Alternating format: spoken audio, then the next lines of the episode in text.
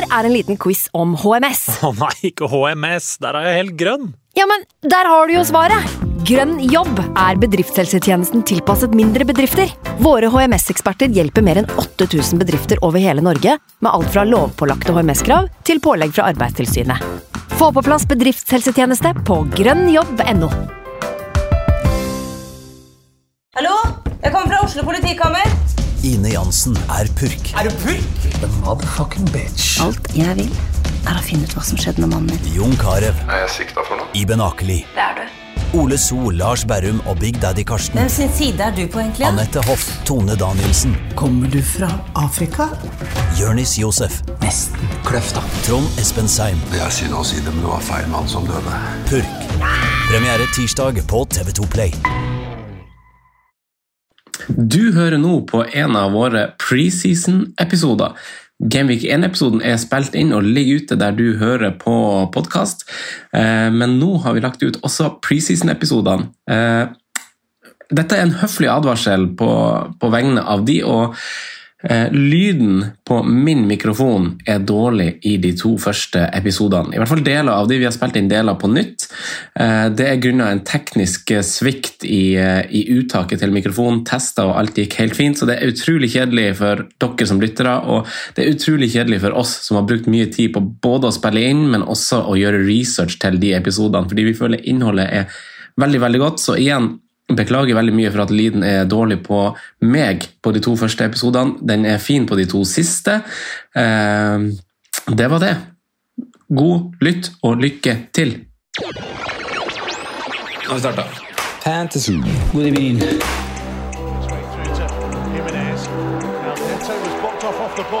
Jimenez. Now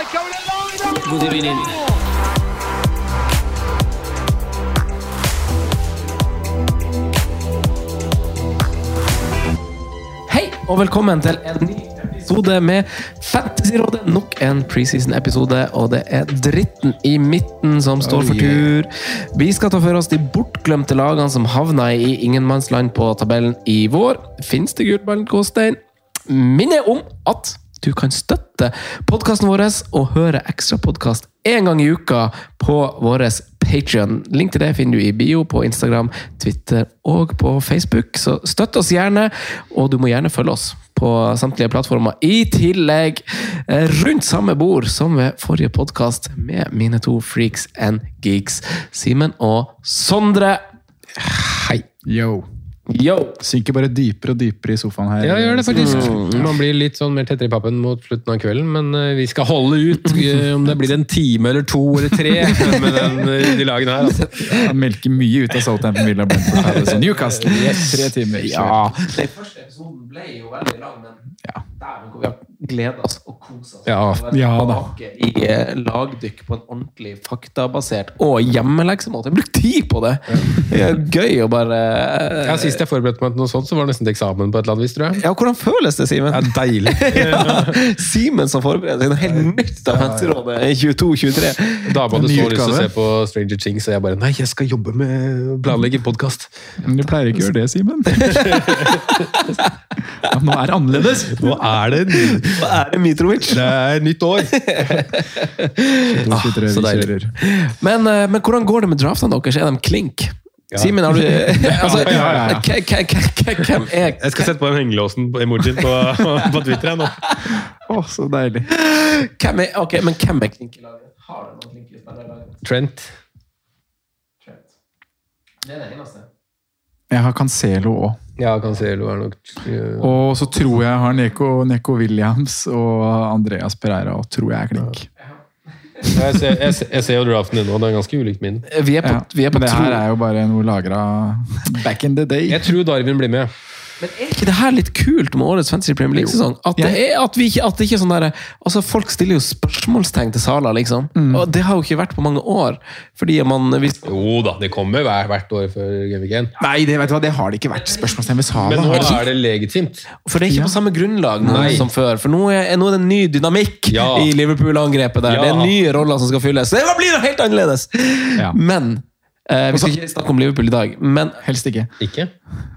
Nei, vi sparer det til i morgen. Ok. Men de har vært gode med prisene. Du klarer sikkert å flette det inn på et eller annet nivå, Simen. Ja, for jeg hørte jo deres eh, Eller sånn gode med prisene i form av at de har klart å skape et mye mer åpent spill. Vi får se, Ja, da, når, når jeg. alle har uh, satt på hengelås-emojien på Twitter. Ja, da, det, selvfølgelig, det kan jo bli veldig template og veldig likt, selvfølgelig. Og på Twitter så blir det jo det uansett. Det må jeg bare forberede seg på. Men det er, det er veldig mange andre enn de på Twitter som spiller Fancy Premier League. Altså. Ja, det er det. Og det, det, det er jo der liksom sånn, Det er vanskelig å si hvem som er klink nå, for du må velge blant de store kandidatene før du kan si noe som er standard, og hvordan retning du ønsker å gå. Mm. Fordi, altså, sånn, Du ønsker jo kanskje å fylle en stor del av kvota på City og Liverpool. Og hvis du dropper altså, sånn, Det er ikke sånn som Sala og Mané, at, at uh, venstrekanten nå koster 0,5 mindre. Han koster jo 5 millioner mindre. Mm. Så det er all different ballgame nå. Det ikke sånn Og de har en, nummer, altså en klassisk nummer ni for første gang. ja. Og så, for Jeg hørte spillslipp-episoden deres fra, fra en eller annen solseng nede i Italia. Det er en veldig fin episode. og, og Der nevner dere også den underprisinga, for de har gjort det veldig enkelt for oss i forsvar. Mm. Eh, som dere sier at de, Trent burde jo kosta ni, Cancelo burde, eller kunne kosta elleve uten at det hadde vært noe problem. Cancelo burde kosta åtte-ni, eh, men de har latt disse gutta være på sju. Eh, og da tar man de inn. Men samtidig så har de dytta en del spillere som burde kosta 5-5, som burde kosta 5, ned på 4-5. da. Så det er også fristelser i det landskapet der. Så, så man blir på en måte, og for å, ja ok, Man ser på en løsning da har lyst til å gå til uh, Tremium, som det så fint uh, kalles. Ha med seg Salah, Kane, uh, Kevin De Bruyne, Erling. Prøv Prøve å få med tre av de her. og da, da, da, Man kan få det til da, ved å gå veldig mye 4-5. eh, Det er jo 4-5-alternativer som kan brukes. Patterson, så har du jo Ikke sant? Tenk å ha de, det er utrolig deilig at vi har den der tilbake. For, Mm. for, noen, for noen år siden eh, hvor man spilte fancy Premier League, så var, de, og så var det om å gjøre å stable et billig forsvar Mm. og finne en rotasjon med billige forsvarere, forsvarere og spille 3-4-3. Mm. Og så skulle du ha liksom no, et par kanoner, da, og så skulle du relere den tredje posisjonen på to eller tre mann. da. Og så har det har det jo utvikla seg til å bli at man skal ha mange kanoner baki, for verdien er så høy. Altså, Du har seks millioner forsvarere som, som, altså, som får returns på flere måter. Mm. Enn bare clean sheet. Du får mål og, og målgivende også på et helt annet nivå enn hva det noen gang har vært. Så, men nå så har du spennende forsvarsspillere også til 4,5, syns jeg. Mm. Eh, I hvert fall når du åpner døra til liksom, Du får det i United, du har det potensielt i Arsenal. Gode lag med masse clean Laget vi skal dykke i nå, i det mellomsjiktet. Ja. Men, men det er jo åpenbart at verdien er å spille fem bak her. Det er det ingen som kan si noe imot. på en måte. Nei. All verdi, du, du bør spille fem bak. For det er de spillene det er mest verdi i. Ja. Men så har du enablers Points per million og alt det ja, der. Ja, ja, du har masse du kan gjøre. Og jeg, jeg, har, altså, jeg har egentlig også Trent Cancelo og Reece James har jeg egentlig klinga Chelsea til gode. Ja, for den der Reece Jamesen, om man skal sette hengelås på han, det vet jeg ikke helt ennå. Tyssel sin siste pressekonferanse, han så ut som han har lyst til å si opp på dagen. Han er, det er det verste jeg har sett. Han kasta hele alle under bussen, han. Ja. Så Det var vel et signal til eh, eierskap, og Mm. det. Ja, fordi han får jo ikke noe støtte med å ha fått 100 millioner pund for Raheem Stirling og Kolibali. Nei, og det, det, jo- vi snakka om eh, kontraktsbruk og Eller penger på kontrakt og sånn i Lewandowski i forrige episode. Det er Kolibali. Han er ikke billig og ung. Nei, heller. 31 koster 40 millioner pund, eller hva det er for noe. Men, men nå har jo Tyssel sagt dette ganske klart i tidligere klubber og andre klubber, at han har ikke lyst til å være med på dette overgangskjøret. da. Så det kan hende at han er misfornøyd med de spillerne som har blitt kommet inn og ikke har vært involvert, for han er jo en type som bare vil trene laget. Han vil jo ikke være involvert i, i like stor grad som kanskje mange andre trenere vil. da, med å hente, altså Brenn Rogers da, eksempelvis. Mm. Han vil jo ha siste ord i alt. Mm. Uh, det ikke, jeg kjenner ikke klubb, situasjonen i alle klubbene, hvordan manager er, men jeg har fått med meg at Tyssel er sånn dere styrer overgangsvinduet og det greiene der. Jeg signaliserer hvilke typer og hvilke spillere jeg vil ha meg videre, etc. Da, da skal vi ta for oss eh, Det var Chelsea. Det ferdig med Chelsea. Eh, vi skal ta for oss eh, Southampton, Aston Villa, Brentford, eh, Palace og Newcastle United eh, i denne episoden. Og det blir bra, det, etter en snar pause.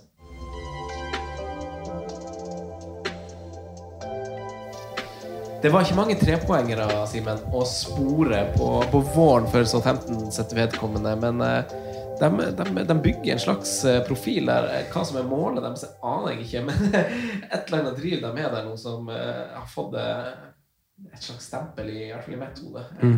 Det er Southampton way. Men hva, hva oss? Ja, det, det var jo kanskje litt sånn forventa sesong da, for, for Southampton, selv om vi på en måte i, i vårt tips i fjor hadde de på, på nedrykk. Eh, Som kanskje var vår, ja, sammen med kanskje men vi hadde på nummer én, den største bomben på vår tabelltips. sånn sett.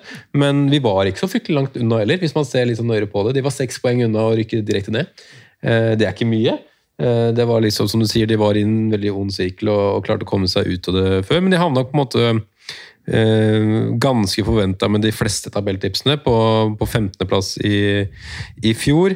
Eh, dro med seg en 40 poeng, som eh, ikke er noe sånn all verdens å skryte av, men samtidig så har de vært i en litt sånn tyngre posisjon de siste åra også, ikke har handla sånn supersterkt. Jeg syns ikke eh, Ralf Hasenhyttel har fått sånn superbra backing tidligere med, med hvilke spillere og sånn som er henta, og nå er det jo eh, Ja, hvordan skal man si det? Altså Southampton har startet med å ansette Joe Shield som sjefsspeider. Eh, Han har jobbet i Manchester City siden 2013. Og det kan vel eh, ganske tydelig bli sett i hvordan man har handlet den, eh, før den sesongen her.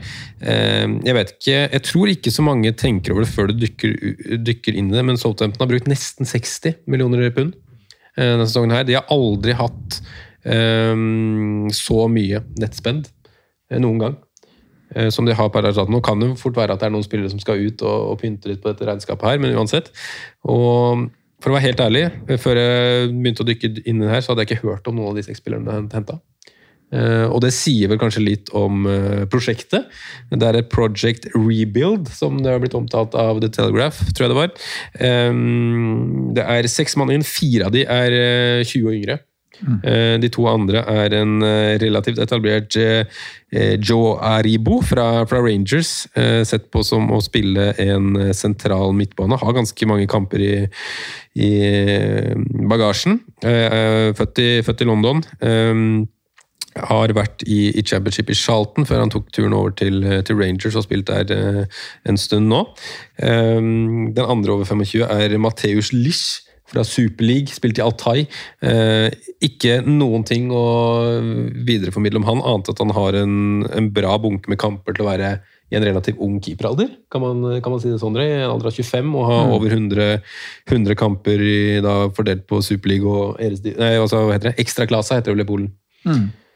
Eh, Bra antall matcher, det. ja, så, men jeg vil jo til, tenke meg at han kanskje er tiltenkt uh, altså Det er jo kanskje, keeper, ja, ja, altså, kanskje den posisjonen i Southampton som er best dekt, selv om Ja. det er uh, Vi har historie for det, vet. Å ha mye, eller mange jevngode keepere. Ja. Uh, fortsette med det.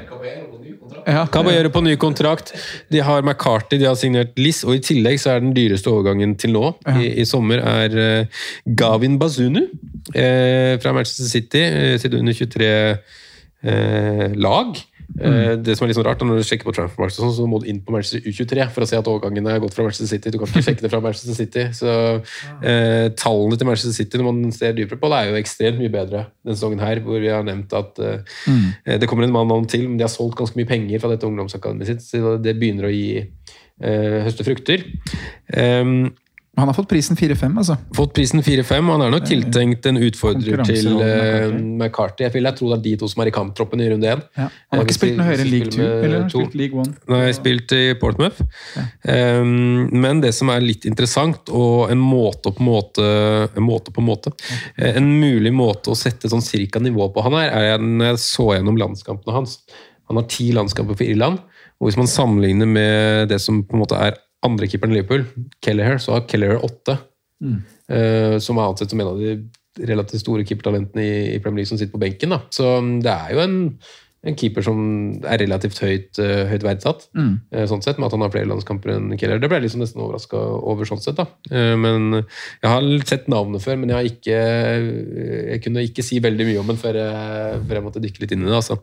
Så mm, jeg vet ikke hva som er tenkt, jeg, altså, av, um, fra start i, i serien. Man ser jo alle mulige, mulige varianter i en preseason og, og sånne Mm. ting. så Det eneste jeg ville sagt med at liksom summen er såpass mye, at det er en sjefsspeider her som antageligvis kjenner Basunu veldig godt, at jeg ville unngått å ha McCarty til første eh, gameweek, rett og slett. Det er liksom det eneste jeg har der. Det er ikke så veldig aktuelt med tanke på det kampprogrammet. så Nei, det kommer, kommer til det også. Og så har de henta en til fra, fra Manchester City det var betraktelig mye mer eh, kamp om. Eh, en belger som heter Romeo Lavia, som har egentlig vært etterrykt av ganske mange, mange klubber. Um, tiltenkt på den defensive midten, spent på om det blir allerede fra, fra den sesongen her, med tanke på, på alderen der. Han er uh, kun 18 år, men um, en som er ettertrakta. Det er vel litt med at kanskje at jeg vet ikke om det er Hasenhyttel som, som er veldig interessert i, i det, men eh, det er i hvert fall en klubb som prøver å tenke langsiktig her.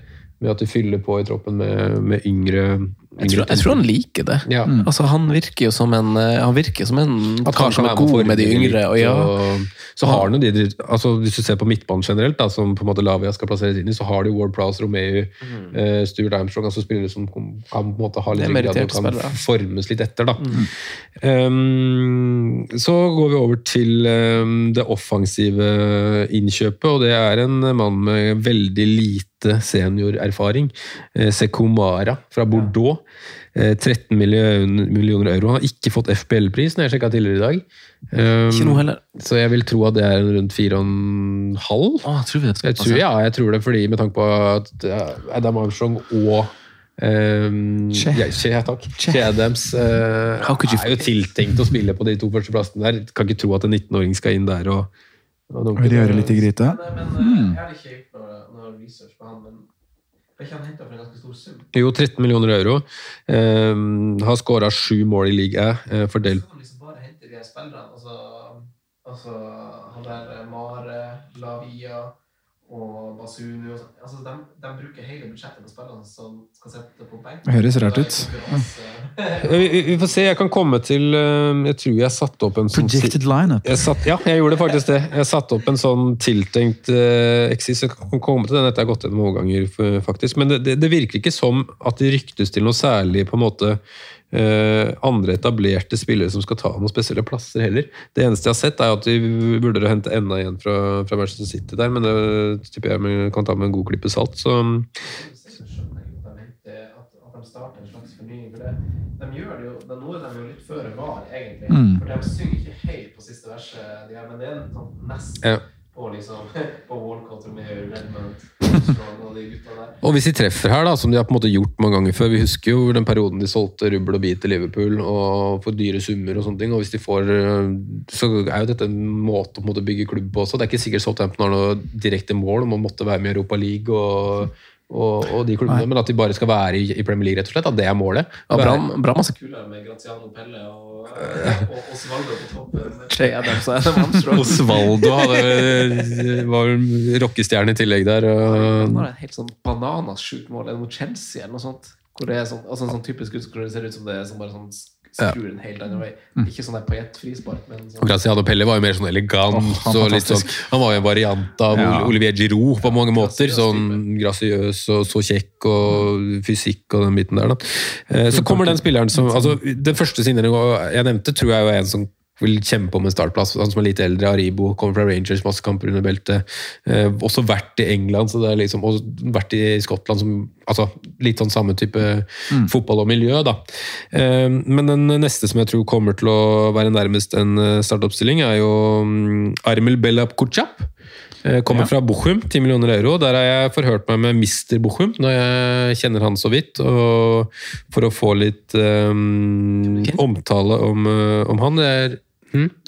Runar Skrøseth. ja. Um, Mr. Bochum bor jo der nede. Um, veldig fin fyr. Um, han omtalte Kutsjap som enorm fysisk og ekstrem duelltiming, men kan bomme på en del taktiske ting. Altså skyve, forskyve Det blir fint sammen med Salisu. Ja, det er det jeg tenkte Det med en gang også. bra. Passer perfekt inn. Han er bra. Å, vanvittig. Og det der, apropos Salisu, det er kult det der Ghana-remaken re med Salisu og Lamptey og Ja. Williams og Welcome Home. Mm. Gi de noen landskamper. Ja. Han ikke det er komplisert, hvem bryr seg? Nei, hvem Dritt i det. Men kult Ghana, go Ghana, welcome home. Det Det er mye et, sånn Bednarek skal holde to sidestoppere bra i hånda der når han skal ligge i midten og Ja, det er jo et, um, det er jo en spennende profil, da. Og han omtaler jo også det største talentet i Bochum siden selveste Leon, Goretzka. Um, Så det er jo en mann som har um, utvilsomt potensial. Og så sier han at liksom de fleste som har sett han er vel enig i at han kan bli så god han bare vil, men at det er mye som tyder på at det er en innstilling eh, selv som kan være på en måte en sperre for det her. da, fordi det er, Han er vel var er det 20 år han var nå? Han er 20 år nå, og han har allerede blitt satt ut en del ganger pga. sent oppmøte, eh, fjas, eh, dårlig ting, altså. treningsinnstilling, eh, den biten der. Og du kan ikke ha sånne folk. Og det beste minnet da, er eh, at han som 17-åring satte, hadde Robert Lewandowski i lomma. Eh, Da spilte du sikkert Bochum i Sveite, da, siden det er tre år siden. Um, Så det er i hvert fall en spennende signering, da. Og, og en, en spiller som det på en måte utvilsomt eh, er stort pot- potensial rundt. Og det kan jo liksom Jeg føler jo Southampton er inne i en en rimelig god stim når de er ute etter å plukke stoppere, da. Eh, med hva de har plukka til, og hva de har. Og jeg må jo innrømme at eh, mannen du nevnte sist, også, Sondre, Jan Benarek, er eh, bedre og bedre for neste for hver gang jeg ser den. Ja, jeg. Jeg det. Eh, Jack Stevens er ikke så verst. Eh, Jeg synes Salisu var bra i fjor. De har hatt Van Dijk tidligere. De har, Josef Fante, altså de har henta mye bra Jeg stoppere. ble ikke helt til stor, med Lianco. Da det Nei, Lianco stemmer. Det har vært ikke, han henta vel i fjor, ja. Solgte Westergård til riktig tid. Ja, solgte Westergård. Så mm, det er mye Det er mye ukjent, og det er det som på en måte preger eh, hvor man skal sette Southampton og når man skal prate om de, og det er veldig vanskelig å vite om det her. da. Altså, plutselig så er Seko Mara en som skal spille foran Che Adams, eller Adam Armstrong. Ja, nå skåret vel bare fire mål sånt i fjor i ligaen. Kosta vel over 20 millioner. Hadde nå skåret én, i hvert fall. Jeg Det den inn. oppsummerer fjoråret til Simen. Algoritmene sa Armstrong inn, Simen gjorde det. Ja, det var, det var deilig. Så har jeg liksom skrevet Så har du lyst til å skrive? Ja, har kanskje det mest uinteressante laget av samtlige på FBL akkurat nå. Ja, Mer interessant enn Bournemouth, men jeg backer. Ja, Jeg backer. Det var derfor kanskje jeg skrev kanskje. Ja, det skrev kanskje, ja. Eh, Den nye keeperen er priset til 4-5 med hard konkurranse no go. Jeg skriver som et punkt her. ja. Kan finnes verdi i bekkene til 4-5, men ikke fra start. Nei. James Ward-Prowse er prisa riktig til 6,5. Du får hva du betaler for. Vanskelig å sette inn periodevis. Vanskelig. På en spiller som belager seg på død, får poengene sine på dødballer. Så jeg skriver på Fictures skal jeg skrive blodrødt med Tottenham, Leicester borti la første fem. Også Chelsea, Leeds og United hjemme. Løsner litt fra mer runde seks, med mer 10. til 15. plass-lag. Um, Predicted lineup. predicted Jeg, lineup. jeg tror på han. Jeg tror på han teller. Ja, han er ikke med i predicted lineups. Nei, nei, men jeg bare tror på Han får et slags sånn gjennombrudd denne sesongen her. Jeg har skrevet opp en eh, 3-4-3. Det kan godt være en 5-4-1. Ja. Um, jeg har skrevet de opp eh, med eh, i mål. Jeg har skrevet det opp med Bednarek, Salisu og Kuchap. Jeg har skrevet det med Livramento, James Ward Prowse, Romeo Walker Peters. Hvor lenge er Livramento ute? For han tok jo Ja, jeg så han var rød. han tok jo, Valentino. 1. januar. Det, er- en stund, det. Oi, det er så lenge, ja. Ja, Da blir det jo Da må vi snu, da. Walker Peters over, og så blir det Perrault akkurat nå. Eller så blir det Moe da, på en uh, wingback. Moi, moi. Tjenepo, kanskje. Eh, og så har vi Moe Armstrong og Adams på topp. Er vel liksom deres beste elver. Hvem sa du på topp? Moe Armstrong Adams. Ja. ja. Det er liksom en del uh, spennende spillere som er Jo, jeg syns altså, Armstrong til 5-5. Nei, nei, ok, det er jeg enig i. Men jeg, da er tenker, jeg, jeg, jeg tenker kanskje først og fremst på de, de som lusker i sivet. da. Altså Sånn som jeg, jeg nevner Tella og, og Genepo og sånn. Det er litt sånn Akkurat det er jo litt fargerike spillere. Men Ja i den elveren som du nevner nå, Simen, så er det jo litt sånn eh, Det blir litt sånn. Men uh, men eh, Sondre, før vi, vi tar tabellen, eh, plasserer den på tabellen, så må vi ta en oppsummering. For nye lyttere. For nye lyttere. Ja. Vi har tabelltips gående, hvor vi setter inn hvert lag vi har gjennomgått. Mm. inn på tabellen, holdt jeg på å si. Over under lagene som er der fra før. Vi har Bournemouth på sisteplass, Fulham, Everton.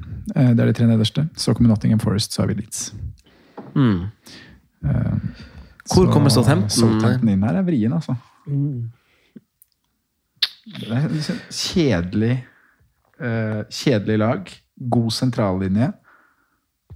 Har Signeringene vet vi litt om. Kan bli bra, kan bli benkefull si. Det er umulig å spå de Ja. signeringene, Uh, Du må liksom tenke um, jeg. Er det nok Det er det. mål i det laget her? Det er det. Skåres det nok fra Armstrong? Armstrong? Armstrong Jeg vil ha de bakfulle, jeg. Ok. såpass langt ned, ja. Dere vil ha dem så langt bak, ja. Og vi har faktisk Leeds øverst der. Det er liksom de lagene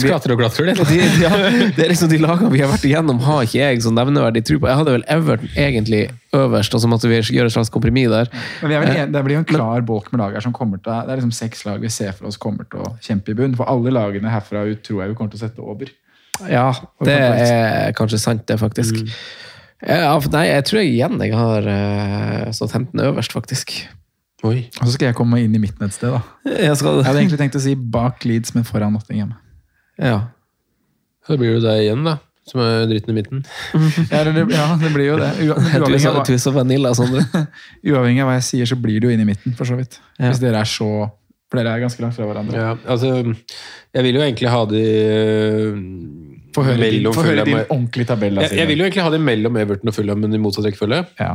Du har Fulham på topp, egentlig. Nei, jeg har Fulham på sånn 17.-16. Ja, med de laga her. Leeds, Fulham Leeds Fulham Her er jo Ja. ja. Leeds Fulham Nottingham. Everton, Nottingham, Everton, Bournemouth. Bournemouth. Ja. Jeg har Everton på topp av de lagene, egentlig. Ja, det blir bak, bak Everton på Saints. Ja. Ja, klarer Everton seg i år òg. Det gjør det, vet du. Satte du dem inn? Men Frank Lampard får sparken. Så det er Ja, det er akkurat det. Det, det, er akkurat det. Vi må prøve, prøve oss på framtida. Ja. Skal vi ha. Saints ned i år òg, da? Vi gir oss ikke. Nei. Ah, Så tempoet går ikke ned. Nei, men, det Nei, de gjør ikke det, Frank. Jeg er enig. men hvordan skal man plassere de nå, da, når man ser hva de har hva de handla, hva man vet? Ja, for, for nå har vi dem på nedrykk nå. Ja da. Bournemouth, Fulham, Southampton går ned. Bournemouth Ja, ok. Bournemouth, Fulham Southampton. Ja, andre veien, okay. altså. Se- Southampton, Fulham, Bournemouth. Everton er rett over streken. Nottingham Forest 16. Leeds Leeds 15. ah, Herregud, jeg, er- det blir ganske ulikt mitt personlige tabelltips, men sånn blir det jo med sånn her. Ja. uh, nei, det må jo bare stå. Det, er jo som Simen Ja, dessverre. dessverre. det er ikke alltid demokrati er bra. Nei, det gir, noen, det gir noen utfordringer, det gjør det. Det gjør det. Men det er jo litt gøy. Vi koser oss. Vi koser oss. Eh, vi, eh, vi kan jo bevege oss eh, videre til, til neste lag, da, Sondre. Og der har du ansvaret. Og det er jo et lag som i hvert fall starta tidlig. Eh, og, Ja. og signere litt spillere eh, i Aston Villa. Mm, det er det. Det er vel sånn der jeg skulle sette meg ned med Aston Villa og Nei, har jo ikke gjort noe på, har ikke gjort noe på overgangsfronten. Jo, det har de. De har banka til de med to klassesigneringer og gjort et lån til eh, permanent. Eh, Og det gjorde de liksom Serien var slutt på søndag. Disse avtalene var i boks onsdag. Eh, Så vi kan jo komme litt tilbake til eh, hvem disse spillerne er. Det er en liten teaser der. Mm. men- Men fjorårssesongen var, jo- var jo skuffende for Villa sin del. De er jo plassert i dritten i midten. 14.-plass, 45 poeng. Så hadde god margin ned til, til nedrykksspøkelset. Eh, Men det var også liksom en, det var lang vei opp til topp sju, hvis man tenker Europa, europaplass. Eh, Som man jo vil tro at Villa har en ambisjon om. Eh, Når vi satt med tabelltips i fjor, jeg husker ikke hvor vi satte Villa, jeg satte de personlig på, på niendeplass. Eh, Hadde hatt de høyere hvis de ikke hadde solgt Jack Grealish. Um, og vi nevnte det jo litt i, i forrige episode hvordan, hvordan de opererte på overgangsmarkedet for å, for å erstatte Grealish. De, de kjørte en, eh, en modell hvor de henta inn flere spillere som skulle fylle Grealish sin rolle. Da, dekke over Grealish sine målpoeng. Uh, henta inn Danny Ings, Bundia ble, ble henta. Leon Bailey fra, fra Bayern Leverkosen. Jeg følte at jeg glemte én, men det var kanskje de tre de, de signerte. Uh, og det, man kan jo si at liksom var, det var uten hell. da. Uh, man fikk, har fått sett drypp av hva Buendia, Buendia er god for. Uh, Danny Ings har ikke vært den Danny Ings han var i, i, i Southampton eh, på målfronten. Og Leon Bailey er jo, han skal vi komme tilbake til senere, for han hadde man veldig store forventninger til. og eh, En av de store skuffelsene i fjor er jo han. Eh, Han leverte ikke, hadde også en del skadeplager og sånne ting, men eh, har jo også fått et prisdropp da, på, på, på Fantasy og koster nå bare fem blank. og har jo gjennom, eh, eller spesielt nå i siste preseason match, vist at han har, har noe i seg som, som kan bli spennende. Eh, Men 14.-plass på tabellen, eh, 13 seire, 6 uavgjort og, og 19 tap. Det er, ikke, det er ikke mange lag som tapte flere. Det er, det er de to som rykka ned i Norwich og Watford, i tillegg til Everton, som jeg nevnte i forrige episode, som hadde 21 tap. Og så kommer Villa da med, med sine 19 tap. Så mm, spilles lite uavgjort. Eh, vinner eller taper. Eh, like god hjemme som borte, cirka. Tok 23 poeng, borte, nei, 23 poeng hjemme og 22 poeng borte. Så det er ikke noe sånn hjemme-bortelag. bra bortestatistikk. Ja, egentlig, jeg lurer på om de var på topp uh, topp åtte på bortetabellen. Eller tiendeplass, var det kanskje. jeg meg om. Eh, ja. Like gode borte og hjemme er ganske bra ting. ja, det er egentlig det. Uh, eller i hvert fall bra bortebane. Det er jo ikke, det er ikke ja, ja, ja. Ja, enig. Ja.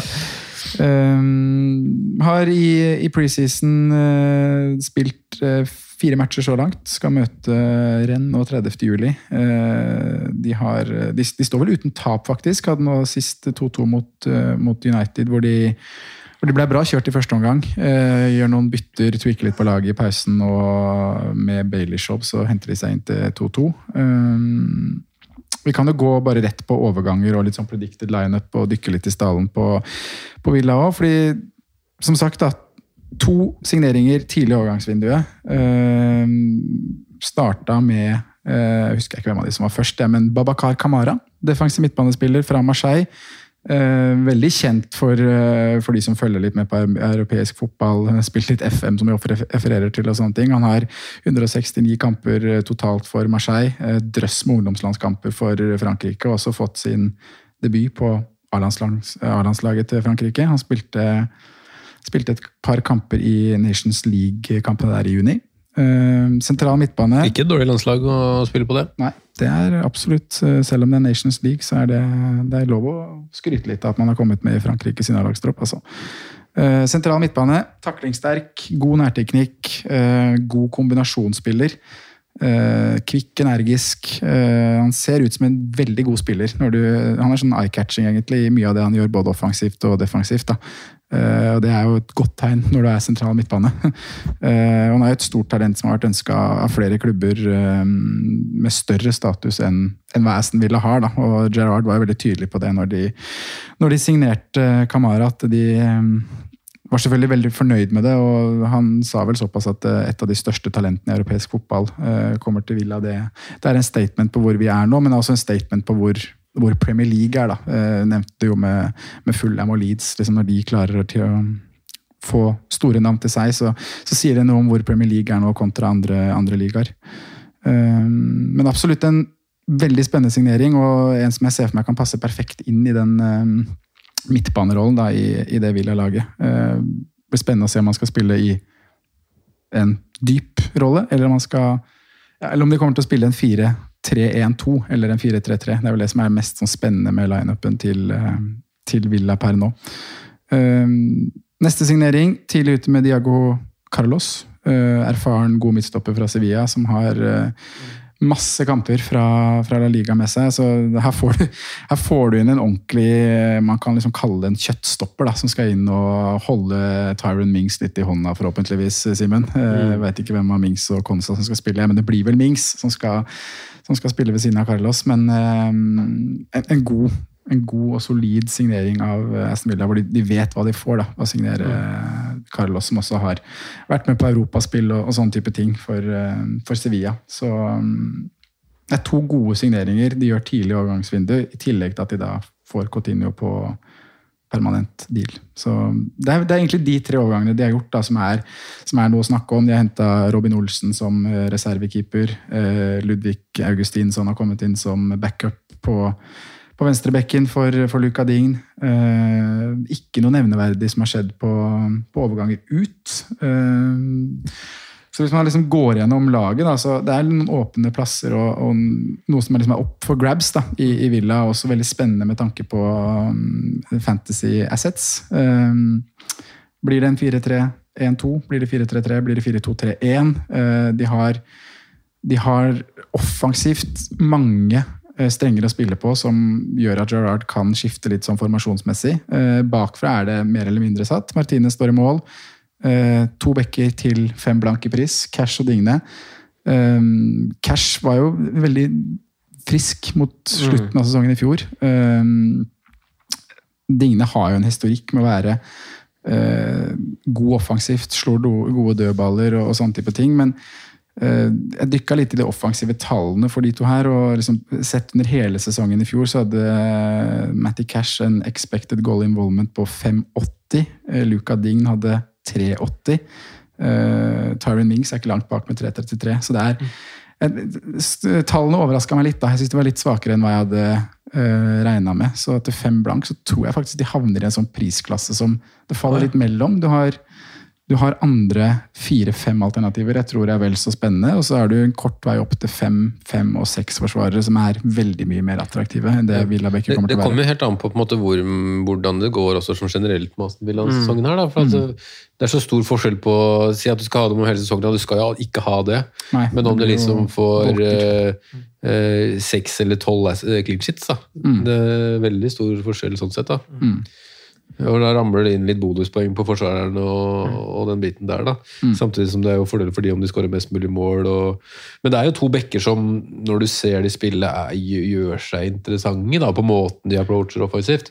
Du så jo Matty Catch litt på slutten av sesongen, som du sier, var litt sånn inn i boks i tillegg. Ja, det var noe med det. Ikke sant? Det var noe med touch i boksen der, husker jeg, som gjorde at han touch i boks totalt Ja. i hele fjor. Det er ganske bra. Ja, det er bra. Ja. Ikke sant?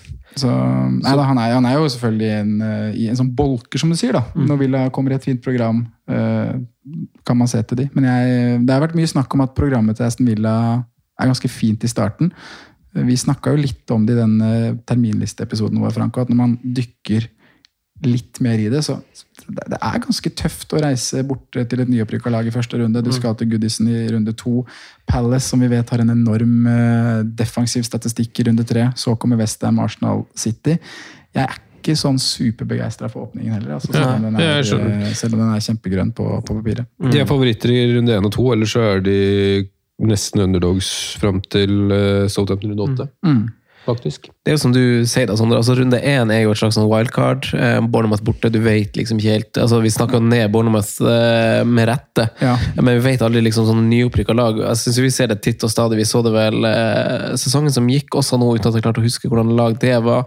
Eh, men vi husker Huddersfield var high flying en periode, så raknet det litt. Og, eh, så, så jeg tror det, Men runde to er jo veldig fin, da. Ja, det var hjemme mot uh, Villa. Det er jo ikke på Goodison. Ja. Nei, mot Everton, mener jeg. Så får vi håpe at Konsa, Konsa tar plassen foran Mings der. Ja. Men det er offensivt. Det er mye spennende, syns jeg, da. Mm. Eh, Hvis vi går over til, til det leddet der og, og ser litt på, på midtbanen, så, um, så er det ikke sant? Vi regner med Kamara skal ha en rolle her sentralt. Eh, skal slåss med McInn, har du der. Eh, du har en eh, Douglas Lewis som har lyst til å være med. Eh, men rundt de spillerne der, da, som er mer sånn ryddegutter, ballvinnere, eh, setter i gang angrep, så har du Du har en Jacob Ramsey, eh, fått et prishopp selvfølgelig til 5-5. Eh, fikk sitt gjennombrudd i fjor. En, en veldig spennende spiller. Eh, godt steg, eh, god avslutter, kommer på dype løp, er med inn i boks. Eh, spent på rollen hans. Du har Buendia, som periodevis viste, viste veldig fine takter. Han var vel den midtbanespilleren i Villa som hadde høyest expected goal involvement gjennom hele fjoråret. Eh, Ja. Fordi jeg syns jo han var eh, altså Gamle lyttere av denne podkasten vil kanskje huske det, men neppe. Men Mm. vi snakka han litt opp på tampen. eh, I en periode hvor eh, Coutinho hadde et slags tørke. Mm. Og vi snakka om at innhoppet til Buendia i en viss kamp var ganske god. Og så syns jeg egentlig han greip litt om den plassen mot slutten av forrige sesong. Litt som du snakka opp cash, så er det en del offensive spillere òg som jeg føler kan få en, en, ny, en ny høst. da. Ja. Buendia har jo nå har han jo spilt eh, flere, flere kamper da, eh, enn hva Coutinho hadde, men han har ganske mye bedre tall. altså I den perioden de spilte sammen, også var ikke sånn Coutinho sine tall var ikke, var ikke outstanding. og Han hadde jo noen kamper han, hvor han fikk et brace. eh, et hat trick her, to assist og en scoring der, og litt sånn type ting. Så, så mm, jeg syns vi skal snakke opp Bundia litt, men spørsmålet her er jo hvem får man plass til, og hvordan skal det spilles? Eh, nå starta de en 4-3-1-2-formasjon mot United, la om i pausen. Eh, da legger man også om til en mer 4-3-3, hvor Bailey kommer inn på høyrekant. og han var enormt god, altså. Eh, han, var, han var liksom den spilleren vi forventa å se i fjor. da. Eh, driblesterk, kvikk, trigger-happy, går seg inn i boks, avslutter. Bruker med begge bein, er det ikke det? Jo, han, han er kanskje det, men han viste mest fra venstrefoten sin i den matchen der, da. Eh, så mm, fem blank. Eh, Gerrard sa jo også etter kampen at hvis han fortsetter på det nivået, så, så er han jo i elver. Eh, men det er det som er spørsmålet. Det skal vel ikke mange kamper til før han blir tatt ut av en elver, med tanke på alternativene som er der. Du har Fortsett med lista, Branko. Nei, men Du har Danny Ings, ikke sant? du har Watkins. Hvordan skal du bruke de to i en 4-2-3-1 hvis det er det man ønsker å gå for? Um, Watkins opererte litt ute til venstre i andre omgang mot United. Da er det Buendia som spiller inne sentralt som en slags falsk nier. Oi. Er det noe vi ser mer av? Um, Watkins er jo den eneste som står 90 i den kampen, da, og, og er jo kanskje den som er uh, det safeste å gå for. Han uh, hadde seks spisser foran seg på expected goal involvement i fjor. Uh, tallene hans var ganske fine generelt. 77 skudd, 72 av de er i boks. Uh, han treffer sjelden mål, da. Det er, det er det som er bakdelen her. Det, han skyter vel på målet av 32 av 77 skudd, så det er litt for få. Uh, 11 skåringer i fjor. Jeg tror han får flere i år. Uh, prisen er også fin. 13 uh, i expected goal moment. Nesten 14. 13,86 i expected goal moment i fjor.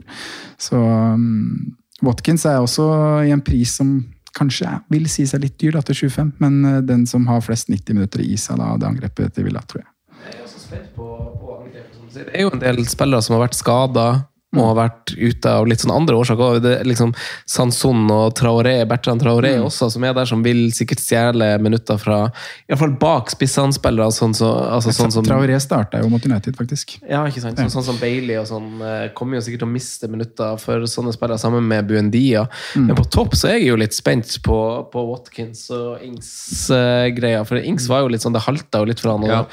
og, Det var ikke helt som forventa, den overgangen der. Altså. det var kanskje ikke helt det. Men jeg så han satt en straffe nå i preseason. Coutinho bomma i samme kamp. Han tok neste og skårte. Så det er litt sånn Jeg syns jo Watkins, de gangene han har tatt straffe, har sett litt sånn shaky ut. Ja. Ikke naturlig straffe. ja.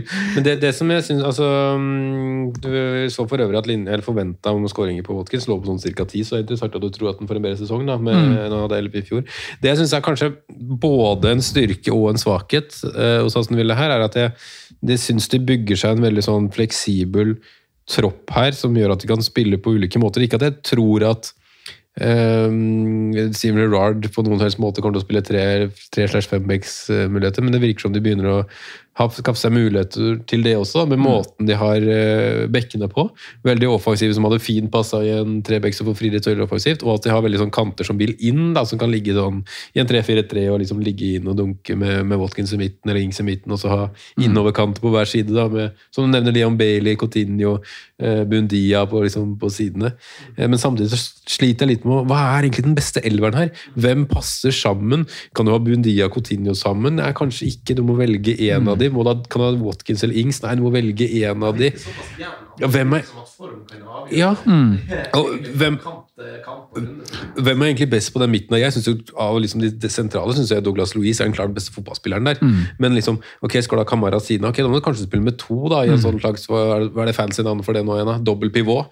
Eh, Mm. i sted- og da, da er det kanskje ikke plass til Ramsey, som jeg syns er fremadstormende og god. McGinn hvor skal- ikke sant? Det er liksom ja. Ja, nye, Han er ikke riktignok 18 år, da, så vil jo vel ikke starte eh, her, men uh, han er jo kjempespennende. og Det er jo veldig mange klubber som sikrer dette. han.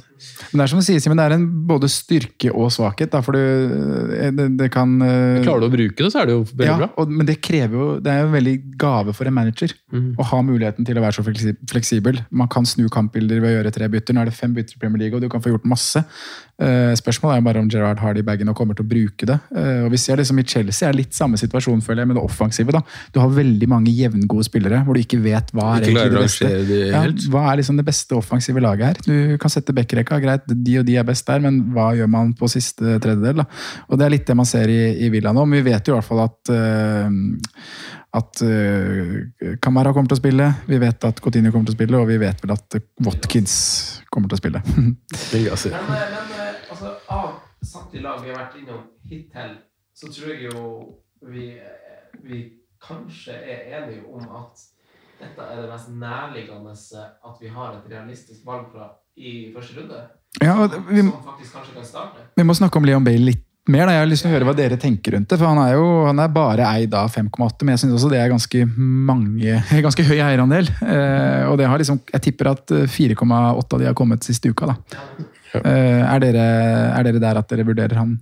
Nei, ikke per dags dato, eh, men litt med det at jeg syns ikke det Altså, Det er jo spørs hvordan du tenker òg, da. Skal du sette opp et program eller et lag som du veit du skal wildcarde tidlig, og sånn, så kan han fort liksom være med som en enabler der som du Ja, jeg satser på at han får poeng jeg, mot Bournemouth for Everton. Det vet vi jo. At vi må Ja, men skal, du sette line opp på wildcard runde tre, så ja, kjør. Han kan være med, men ehm, Fordi vi har i gåsehud tre wildcardene, i og med at vi har to. og Ja. så har vi fire du har to frie og ett tvunget, da. Ja, så, så vi bruker jo et tidlig wildcard. Tvungen eller fri yatzy, er det liksom Ja, egentlig. Så, så det blir eh, Jeg tenker bare at eh, er, altså er det mer tilrettelagt for at man kan ta en sjanse fra start? Er det Ja, for ja. liksom at, at fallhøyden ikke er så stor, for du har et fuck you wildcard? Mm. Skal du begynne med de der fuck you Franco har fuck you wildcard i år. Han kjørte jo fuck you-flyten i Ja, går, som var vi- så verdifull mot slutten av sesongen. Nå har, nå har jeg fuck you wildcardet. Åh, deilig. Nå skal bare kjøre yolo fra, fra det. Og da kjører du Bailey, eller? Da blir det Bailey. Eller- El Man kan jo slutte med El Ghazi. Folk har skrudd av å høre på en annen fancy podkast så vi skal fortsette å snakke om El Ghazi. Ja. Ja, men jeg, jeg, Straffetaker og sånn. Han var jo tidlig inne i mange lag der. Jeg husker jo noen som starta med El Ghazi i fjor. Ja, ja, ja. Du har ikke skimsa El Ghazi. altså, Marius Evensen var veldig gira, husker jeg. Ja, i starten. Ja.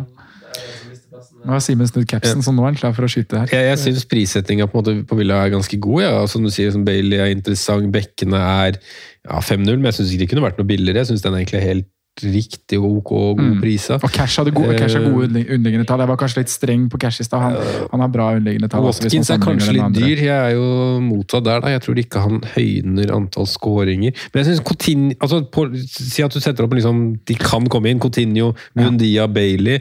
Ja, de offensive. Coutinho til sju blir en sånn derre Du havner man er så mye bedre valg enn de andre der.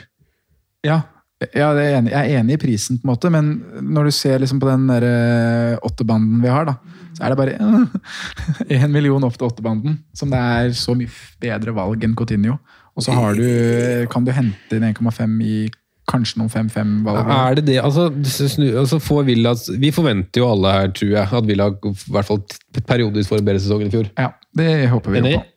Da, da tror vi også at de periodisk kommer til å skåre flere mål enn det de gjorde i fjor, og Mm. kanskje en jevnere flyt. Mm. Da kan jo Coutinho til sju være en kjempespiller å ha med seg i en sånn periode. Hvis Han han, får ja, gang. absolutt, Han er jo også en type som altså, Folk kapteina jo en dobbel i fjor. ikke sant? Altså, han er en fyr, fyr som virkelig kan Folk. Folk. Han er en type som virkelig kan få double digits. Og, altså, det, er- jo en, det er jo en James Madison i Coutinho. Altså, to skåringer, tre blanks, to skåringer, tre blanks, liksom. Men vi ser jo på Aston Villa som Og vi ser jo til de spillerne som er potensielt det vi kaller enablers, som, som på grunn av at de har på papiret ei grei åpning, og det er ei viss oppside her, så er spillerne Altså, da ser jeg bort ifra For ingen av oss kommer til å starte med Coutinho. Nei. Uansett. Fordi at vi er mer frista av segmentet på åtte, og vi vil ha mer riktige premiespillere, og vi vil heller ha dyre forsvarsspillere. Eh, Så vi har liksom ikke plass til Coutinho, men vi vil jo se på bruke de neste to ukene til å se på liksom på, på Bailey og sånn, da. Om det kan være spillere som man kan starte sesongen med. Pro problemet er at det er ikke så mange treningskamper igjen, og at lagene spiller egentlig ganske lite treningskamper denne sesongen. her da. Vil ha én kamp igjen som man kan kartlegge. Ja, det er en kamp igjen. Renn. De fleste lagene har vært igjennom å ha én kamp igjen. Mm. Eh, nå er vel Community Shield-lagene som har flere, omtrent, men det er liksom derfor, da. Må vi se på den kampen. Eh, Vi banker Villa inn på topp av tabellen. Ja. Det er i hvert fall helt Ja. klart. Legger seg over Leeds. Um, ja, vi går videre til neste lag, eh. Gjør vi ikke det, da? Jo. Tar en, eh, tar en ørliten pause, og så er vi tilbake med Brentford Bees, Crystal Palace og Newcastle United.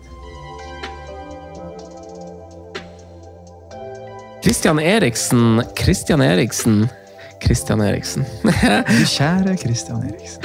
Han har trukket eh, nordover for, eh, for vinteren. Han, han hadde eh, sin første kamp eh, fra start i Brentford i runde 28. Eh, Fra runde 1 til runde 28 forrige sesong så skårte Brentford 27 mål.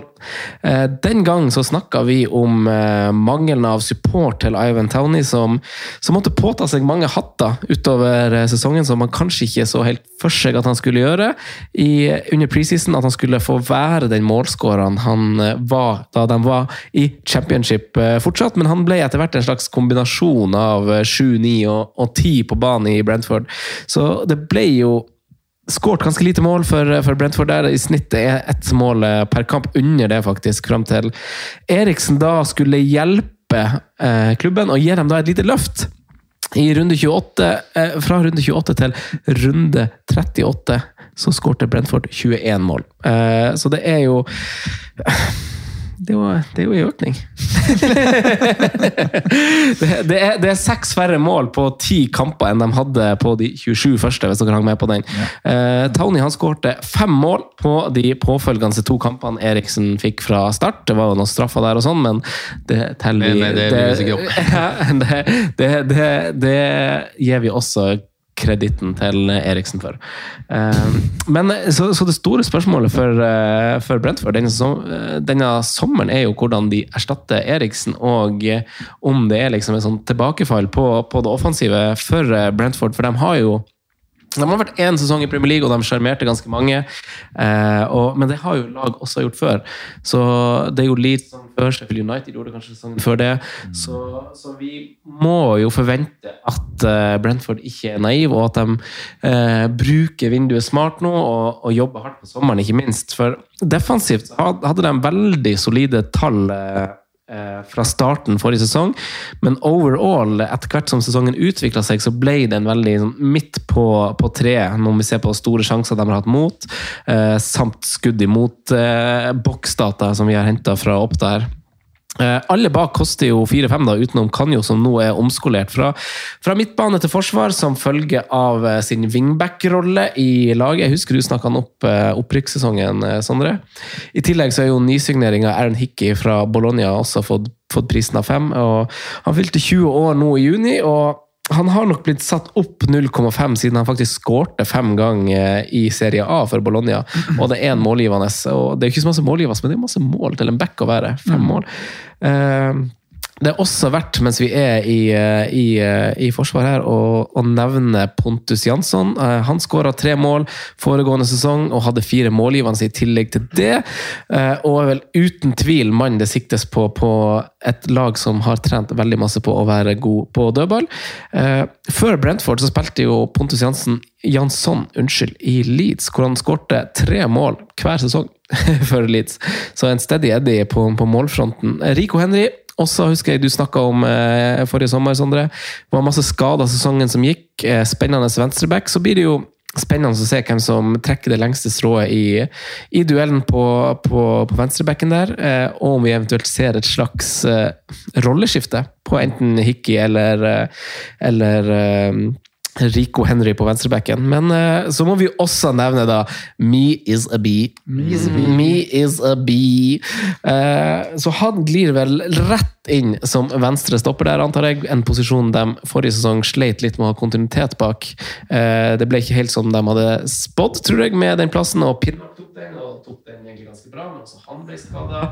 Så, så Mi går vel inn der ved siden av Jansson og vår eh, landsmann eh, Ayer, eh, for det har vært litt ustabilitet. Offensivt, det er jo der skoen trykker nå, åpenbart. Ingen Eriksen. Louis Potter er signert. Han er en 2001-modell. Eh, kom fra Hull og spilte brorkart, brorparten av eh, kampene på venstrekanten sesongen som gikk, men også ganske mye i, eh, i tieren. da. Eh, så fra OMS-posisjonen sin så skårte han ifølge Transfermarkt sju mål på 13. Ganske bra! Mens han fra venstresida skårte fire og hadde to assist sesongen som gikk. Skyggespiss, eller? Skyggespiss, kanskje falsk nier eh, jeg, tror kanskje, jeg tror kanskje man kjører en klassisk OMS. Standard. så- a- Angrep, Fremskutt som rolle. Fremskutt. Eh, Men han spilte alle kampene for Hull, og er jo helt klart eh, spennende til prisen eh, til 5,5.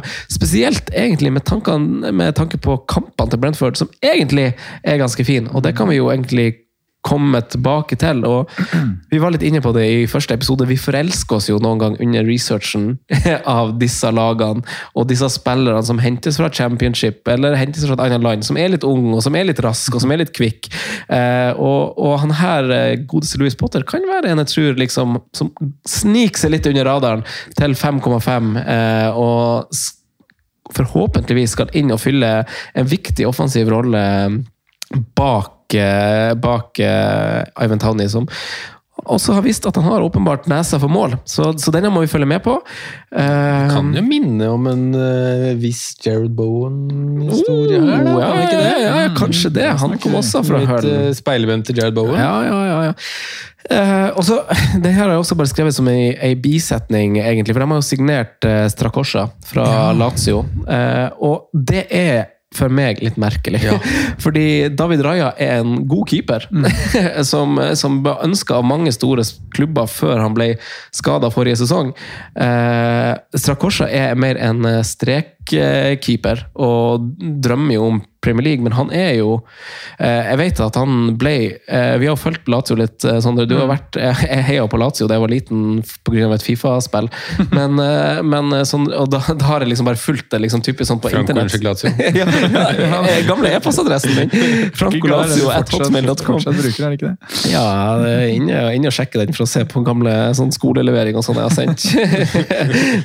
men men tilbake, tilbake til, til Lazio. og, Altså, han var litt satt ut av laget òg. Jeg husker han hadde en horribel kamp, en av de få kampene jeg så. Eh, det var kanskje Europa League eller noe sånt. Men, eh, men eh, altså, Reina sto jo over han en periode i Han var benka fra starten i fjor. Ja, ikke sant? Det var Første kanskje- 15 sto ja. Reina, så Ja. kom Strakosja inn. Ja. Men det er som du sier, han er jo en helt annen type keeper enn Raja. da. Ja, kan ikke du snakke litt om keeperne? Nei, det er ikke, du, har Det egentlig, du har egentlig sagt det meste Ja. som jeg vet. Og han er en mer sånn redningskeeper, mer strekkeeper, god i feltet. Ja.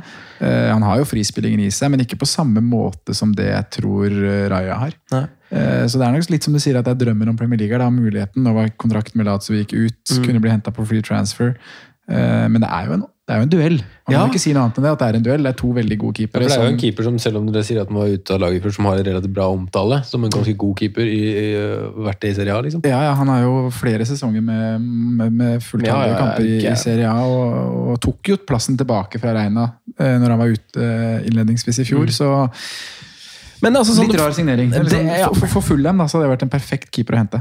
Hvis du tenker Ja. hva man trenger. Men det er jo ikke sånn, sånn som på FM, hvor vi kjører, hvor vi kjører en benk uten keeper. Eh, Det, det, det er jo viktig å, ha, viktig å ha en god konkurranse, og ikke minst et treningsmiljø som er bra, hvor man, eh, hvor man sparer litt med, med en eh, ikke-dustekeeper.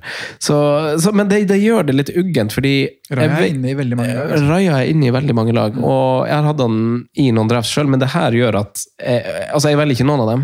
Eh, jeg tror jo personlig at Raja kommer til å spille, uh, faktisk, men eh, det blir jo bare synsing.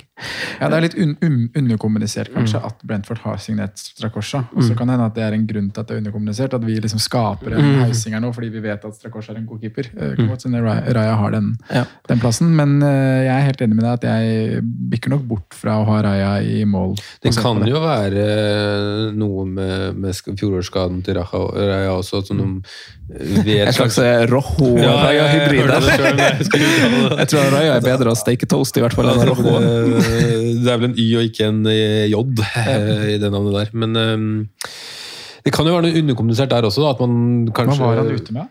Var det ikke noe kne? Ja? Jo, altså, det var bare plutselig litt sånn ut av Ja, det det blå. var, det var kuttskade, ja. liksom. Det var ikke noe belastning. Ja. mm, At det ligger noe der at man kanskje frykter at det kan komme tilbakefall. Eller, så kan det jo være det at veldig, så mange klubber er veldig opptatt av liksom, at man har godt keeperteam. og liksom at Ja, hele og- biten der. Og Brentford fikk jo erfare og- i fjor hvor viktig det er å ha en god andrekeeper. da. For perioden som Fernandes sto, så merka man jo at uh, det her har mye å si for det defensive Brentford. Og um, Og det offensive, egentlig. Ja, jeg- For Raja har det der uh, tilslaget som Ja. klarer å dra han over bakerste linja til motstander, rett og slett. absolutt. Jeg vet ikke hva det optimale keeperteamet er, men det virker som klubben har liksom sånn eh, en, god, en fast liksom førstekeeper, en rutinert andrekeeper og en ung, et ungt talent som tredjekeeper. liksom. Ja, Så får er, han eh, unge, keep, så får han unge cupkampene, og så er han Han gamle ringreven er liksom han som stepper inn i ligaen hvis det trengs. Lever livets glade dager, sånn Scott Carson Ja, og sånn. Fytti katta! Det er på altså. cruisekontroll. 40, 40 pluss der og tjener. altså. Han, jeg så oversikt over hvor mye han tjener i, i City. Han har jo like god lønn som Phil Foden. Hæ? Ja, er helt vanvittig. Uh, Det var ikke lenge, forhåpentligvis. Nei, Men vi kan, vi kan bevege oss til det offensive, for de har i tillegg henta en del sånn unggutter som jeg anser som uvesentlige for Premier League. Så hvis du går og sjekker sånn overgangsbildet for Brentford, så er det en del av det når jeg har dykka litt i det, som det er ikke verdt, verdt å nevne, bare for å nevne. Men offensivt så er det jo litt spennende. Så jeg vet jo, Simen, at eh, du er begeistra for han ene. Vi har Vissa, og vi har Townie, og vi har MBUMO. Og for, for å dra dere litt gjennom det, altså Førstnevnte Vissa, eh, på midten eh, han, Altså, han har eh, Han har det høyeste målpoengsnittet i Brentford når han har starta denne sesongen eh, for Brentford. Han er involvert i 45% av skåringen til eh, Brentford når han er på banen. Eh, han har åtte skåringer på tolv kamper fra start, eh, og det er ganske bra. Han har jo masse, masse inn fra benken da. Eh, Ivan Towney han er involvert i 40% med sine tolv skåringer og fem målgivende, og så skal det sies at han satt fem eh, straffespark av, av de tolv. Eh, med sesongens priser og forrige sesongs tall, så er jo faktisk han Townie den spilleren til under åtte som kommer oftest til avslutning, mens kun Trent Alexander Arnold skaper flere sjanser. Og da er vi på prisklassen altså under 8, 7,9 og ned. Eh, Så veldig gode tall eh, til prisen kan Aventani skilte med også underliggende. Så han er i noen drafts hos meg pga. kampprogrammet, og for at jeg anser han som en såpass trygg spiller i laget. Har du gått vekk fra tidlig wildcard nå? Hæ? Har du gått vekk fra tidlig wildcard? Jeg, jeg vitser vitser jo bare litt i stad. Nei, nei det, blir, det blir jo tidlig wildcard uansett, men Ivan Towney anser jeg jo Som proven. ja, Nei, jeg var ikke forberedt på hvordan jeg skulle komme med respons på det, for jeg skjønte ikke helt hvor du ville heller. Men, men vi prata om tidlig wildcard sist, og de starter jo med Leicester United. Oh, ja, oh, ja, at, at jeg tøysa med at jeg skal ha tullelag? Men bare ja, jokere? you. Skal Ja, ja, ja, Da må ja. han wildcardes inn, og ikke Ja, ja, wildcardes ja, ja, ut. da, da, da er jeg med. Da er jeg med, da er jeg med. Eh, Men Leicester borte i første kamp. Eh, Ingen nåværende Premier League-lag slapp til flere skudd i boks enn det Leicester gjorde forrige sesong. Der kommer det. Der kom jeg. Der, derfor Armentani skal på laget ditt. Eller Vissa, si meg noen steg. I tillegg så har de femte flest store sjanser mot, ifølge Oppda. Så vanvittig dårlige tall i Leicester. Og vi skal jo snakke deres sak i en, episode i, i morgen. Men, ja. men eh, det er viktig å påpeke at Leicester hadde utrolig masse skader eh, forrige sesong. Eh, MBUMO han har gått opp i pris, og han er blitt spiss. Eh, han var jo populær i en del lag eh, forrige sesong. Skilta med ganske gode tall fra championship i en årrekke. Eh, men det ble veldig veldig, veldig masse nesten med han. En nesten-spiller, og det tror jeg han er og blir enn så lenge. Så vi må følge litt med på Vissa, og så er Townie en steady Eddie ellers. Uh, følg litt med på Brentford i sommer. Følg med på Townie, følg med på Louis Potter. Følg med på Vissa, og følg med på den her Hickey Henry-løsninga på, på backen. Uh, Brentford har faktisk to treningskamper igjen, så her kan man følge med. Oi, oi, oi. De møter Brentford og, nei, Brighton og Real Betis, mm. Mm. så man kan se litt. Får vi se hvordan Ayer eh, klarer seg mot Fikir. Men de har ikke klart seg så veldig bra. da Man snakker liksom at det er godt defensivt Brentford og sånne ting. De har sluppet inn over 2,5 mål i snitt i treningskampene så langt. Da vet jeg ikke om de har mønstra et bra lag. Det har kanskje du dykka i, Franco. Men 4-0 mot Wolfsburg nå sist, det, det lyder ikke godt. Nei, det, nei, jeg er egentlig enig i det. Og det er jo det jeg frykter litt òg, at det er litt sånn second season eh, ghost som, eh, som kan ta de. Eh, Men jeg syns kampprogrammet deres på papiret er ganske fint, med Leicester borte. United hjemme er litt sånn, vi vet ikke helt hvor vi har United. og det er liksom, Jeg ville ikke hatt noe defensivt fra, fra Brentford fra start, men så kommer det en ganske fin rekke. Egentlig en veldig fin rekke fra Gameweek 3, syns jeg. Og ganske langt. Jeg vil ha de inn på tabellen bak Villa, men foran Leeds. Altså nummer to av de lagene vi har nå. Jeg hadde bak Leeds. Du vil ha de bak Leeds. Jeg er enig med deg, Sondre. Da blir det sånn. Da er det bees inn der. Ingen aktuelle i Brentford hos dere? Uh, Nei. nei, det blir jo litt Det er jo Raja da, som egentlig har vært inne hele veien. Mm. Tony er jo aktuell. det er mm. Jeg, synes jo, jeg, jeg, jeg backer deg på, på det du drar fram om Ivan. Han har, eh, han har gode tall. Han har det. Han har det. Eh, best i sin prisklasse. Jeg frykter også, som du, du var inne på, Franco, altså, at vi får litt en sånn eh, Jeg synes det minner meg litt om Sheffield. da.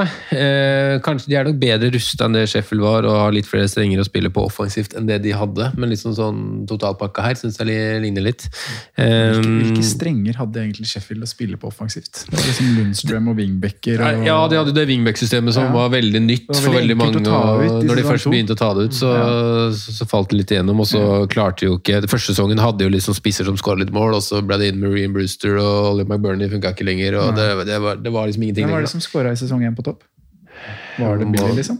Det, var det ikke McBurney-gutten vår som han er litt eldre Billy Sharp. Ja, Billy Sharp Billy Sharp? et- kom inn og skåret et par.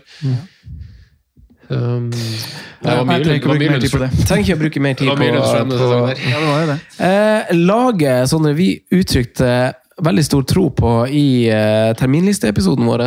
Crystal Palace er nest under lupen. Og et av de lagene vi kan være litt stolte av uh, med tanke på fjorårets tabelltips. Vi hadde Crystal Palace på, på 14.-plass. Veldig mange meldte jo de nord og ned, de. Med trenerskifte og, og sånne ting. Så den tar vi med oss, Simen. Den tar vi med oss. Den tar med oss det vi kan. vi må ta med oss det vi kan. Uh, nei, imponerende sesong. Uh, endte på tolvteplass totalt. Uh, ny retning, positiv trend. Og jeg føler liksom at det, det fortsetter bare, altså for Palace sin del.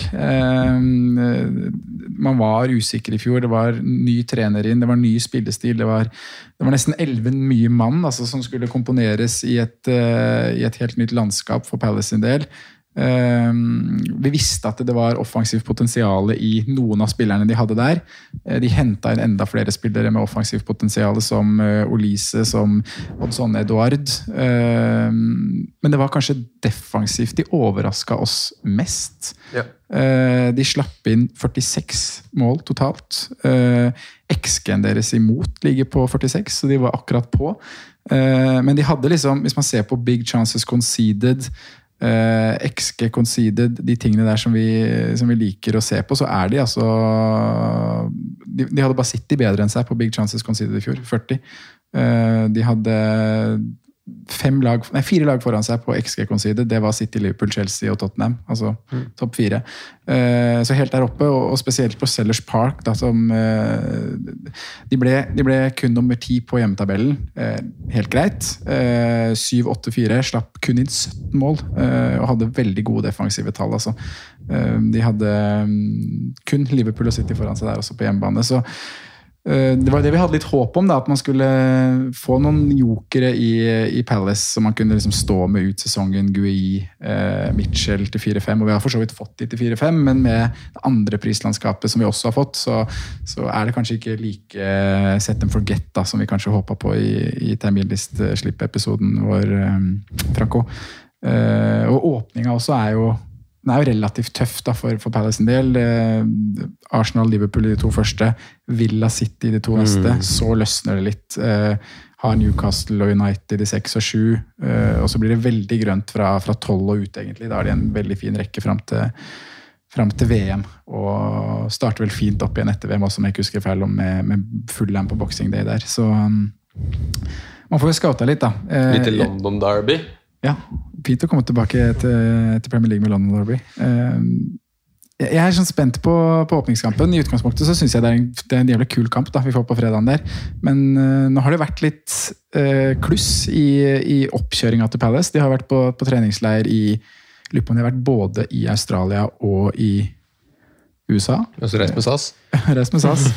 Eh, klusset har vært at de har hatt veldig mange førstelagsspillere som ikke har vært med. Mm. Eh, de har på en måte delt førstelagstroppen sin i to. Patrick Vieira har reist til eh, Australia med én gjeng. Og så har Wilfred Saha, Gui, Ese, Olise, Benteke, Will Hughes, nysignering Dokoré Alle disse har vært hjemme og ikke vært med. Enten pga. skader eller pga. vaksinekluss og sånne type ting. Ja, eh, og Det er ikke en lang oppkjøring Premier League-klubbene har. Så det å ikke ha hele troppen sin samla i den lille perioden de har, det, det, må jo være hemmende, tenker jeg, da, inn i, inn i serieåpningen. Så jeg vet ikke om dere så det.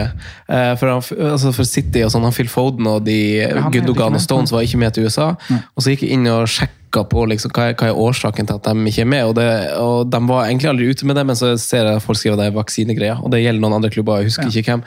og Pep Guardiola han var jo veldig sånn Det har sjukt masse å si mm. at de ikke er med.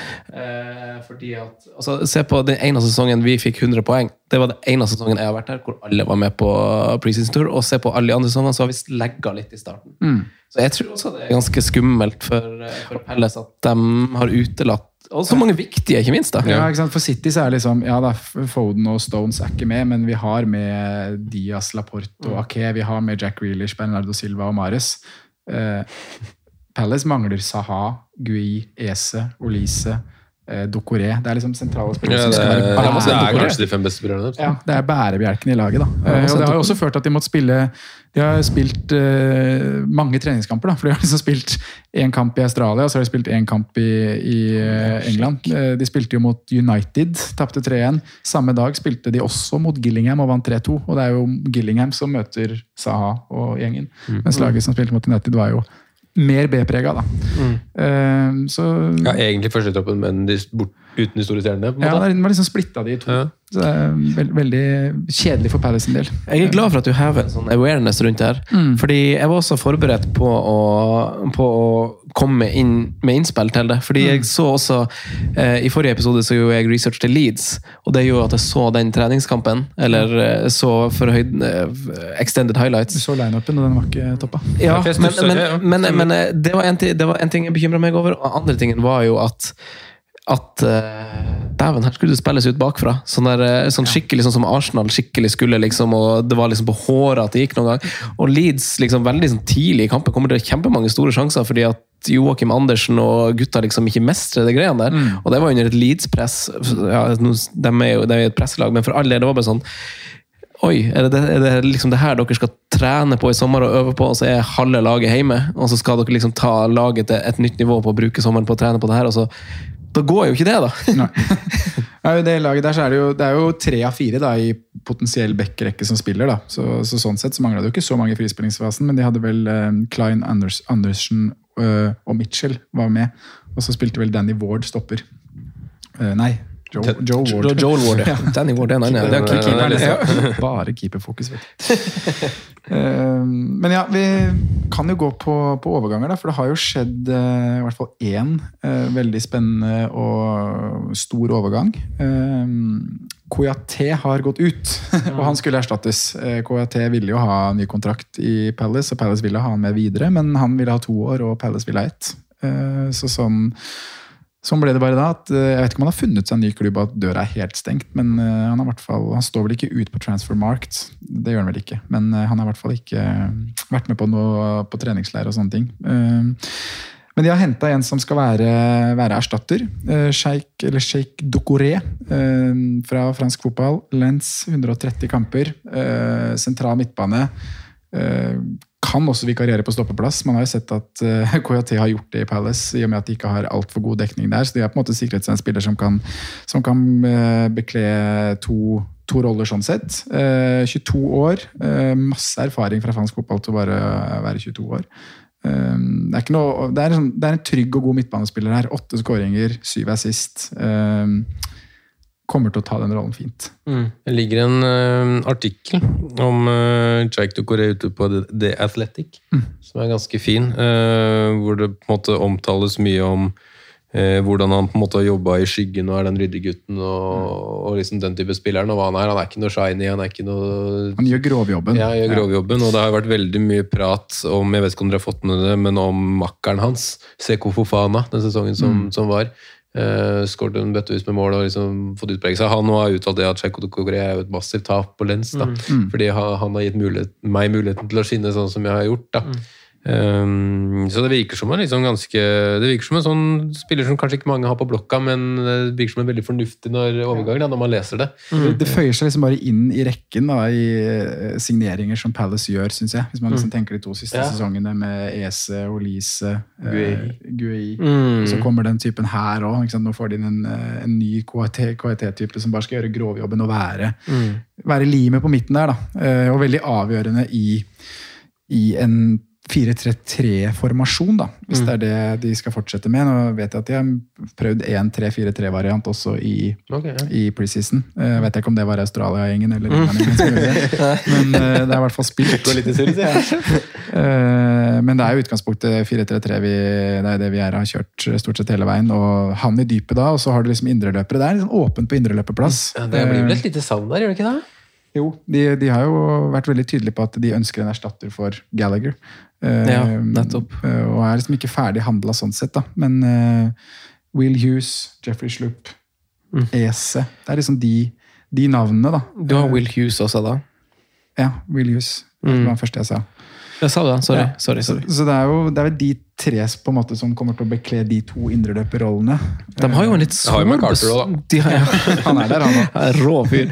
Eh, De har jo en litt sårbar tropp, tenker jeg. Ja. Altså, Ja. En ting er på midtbanen der, men også i forsvaret. Det er jo ettervirkninger av det som skjedde før fjoråret. Ja, men De eh, kom det, seg gjennom i går, nei, i fjor og hadde jo en sår tropp i fjor òg. Ja, men var men- liksom Det var lite seks skadet. da. men hva skjer, hva skjer om Gray Guay blir skada, da? Skal Tomkins komme inn og Ja. bli bytta ut etter 20 minutter og stikke hjem? med- Ward- inn liksom, og spille stopper. Ja. Nei, De har jo sikkert noen som kan bekle litt ulike roller. da. Du nevner jo Ducoré som kanskje kan spille stopper.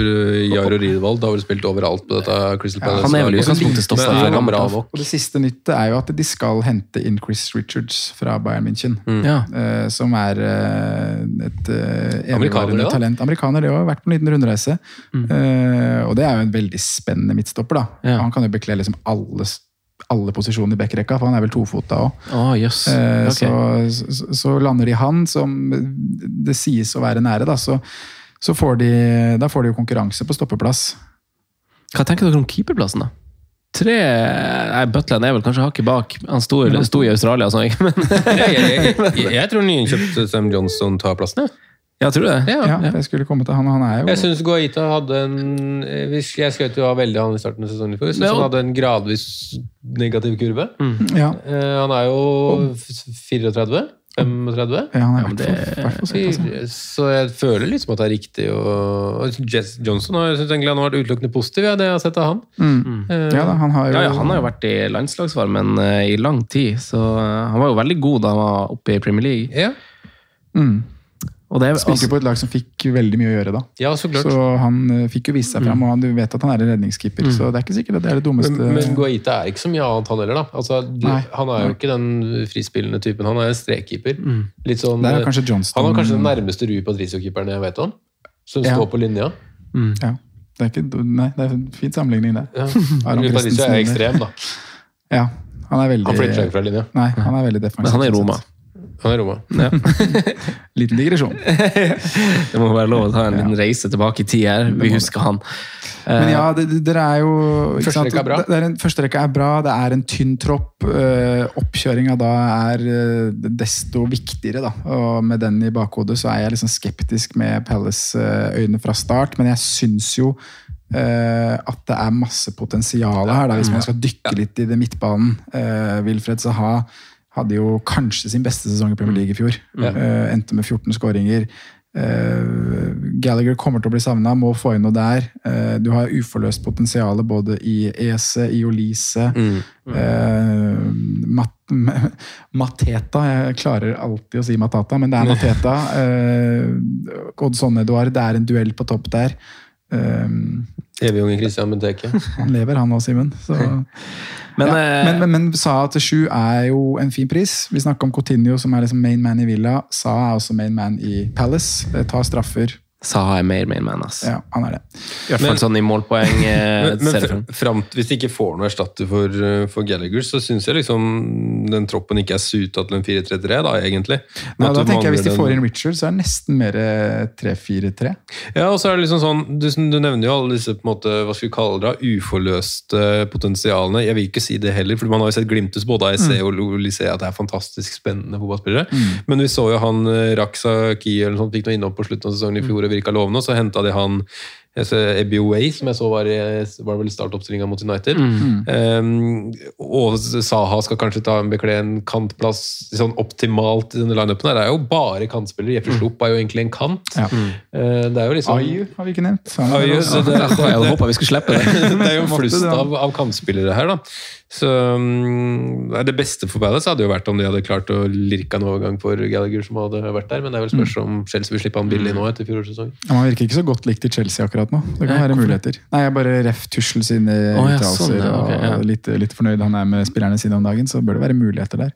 Men jeg tenker at det her er et lag som i aller høyeste grad er notert med positivt fortegn, fordi at prisen Altså, de spillene er så fint prissatt. Ja, det det. Basert på de gode underliggende tallene og det vi så i fjor, eh, så, er jo de et av lagene som, som underpresterte med tanke på hvor gode tall de egentlig hadde. da. Og, og vi, har- vi har fått ei heldig prissetting der, og vi spår vel kanskje en, en, et, et gjennombrudd eller to i EC eller Olise, spesielt som du er flink å dra fram, Sondre. Uh, og så har vi jo Saha, som, som kommer til å være trygg. Eh, jeg- et- og defensivt alle. Ja, og så putte Saha i bolka med, med Diaz, Foden, Mares. da. Uh, Diaz er kanskje trygg på minutter, han òg, men, men Foden og Mares koster en million mer, og du, du har ikke trygge minutter der. Og det får du hvis du kjøper Saha til en million billigere, som kommer til å skåre flere mål. da. Coutinho-pris, da. Mm. Det er jo det, er jo det mange, mange nye fantasy-spillere blinkser på. Mm. Og liksom ser seg litt blind på lag og tror at Jack Reelish er et bedre valg, og så, og så har du en Saha som spiller 38 kamper og skårer masse mer mål. Eh, til syvende og sist så er det det som teller i, i fantasy, å ha de som skårer mål og assistere. Eh, men eh, hvor havner de på tabellen, da, gutta? Over eller under Villa og Brentford? Øverst. Øverst her òg. Ja, dere har det, ja? Mm. ja ok, men da er det, da er det klink. Da er det jo klink. Hadde du det med elsewhere? Jeg hadde lyst til å sette de bak, bare for å surfe videre på den gode ville Palace-flyten vi hadde i fjor. Mm. Så tenke at det var veldig bra. For jeg, ja.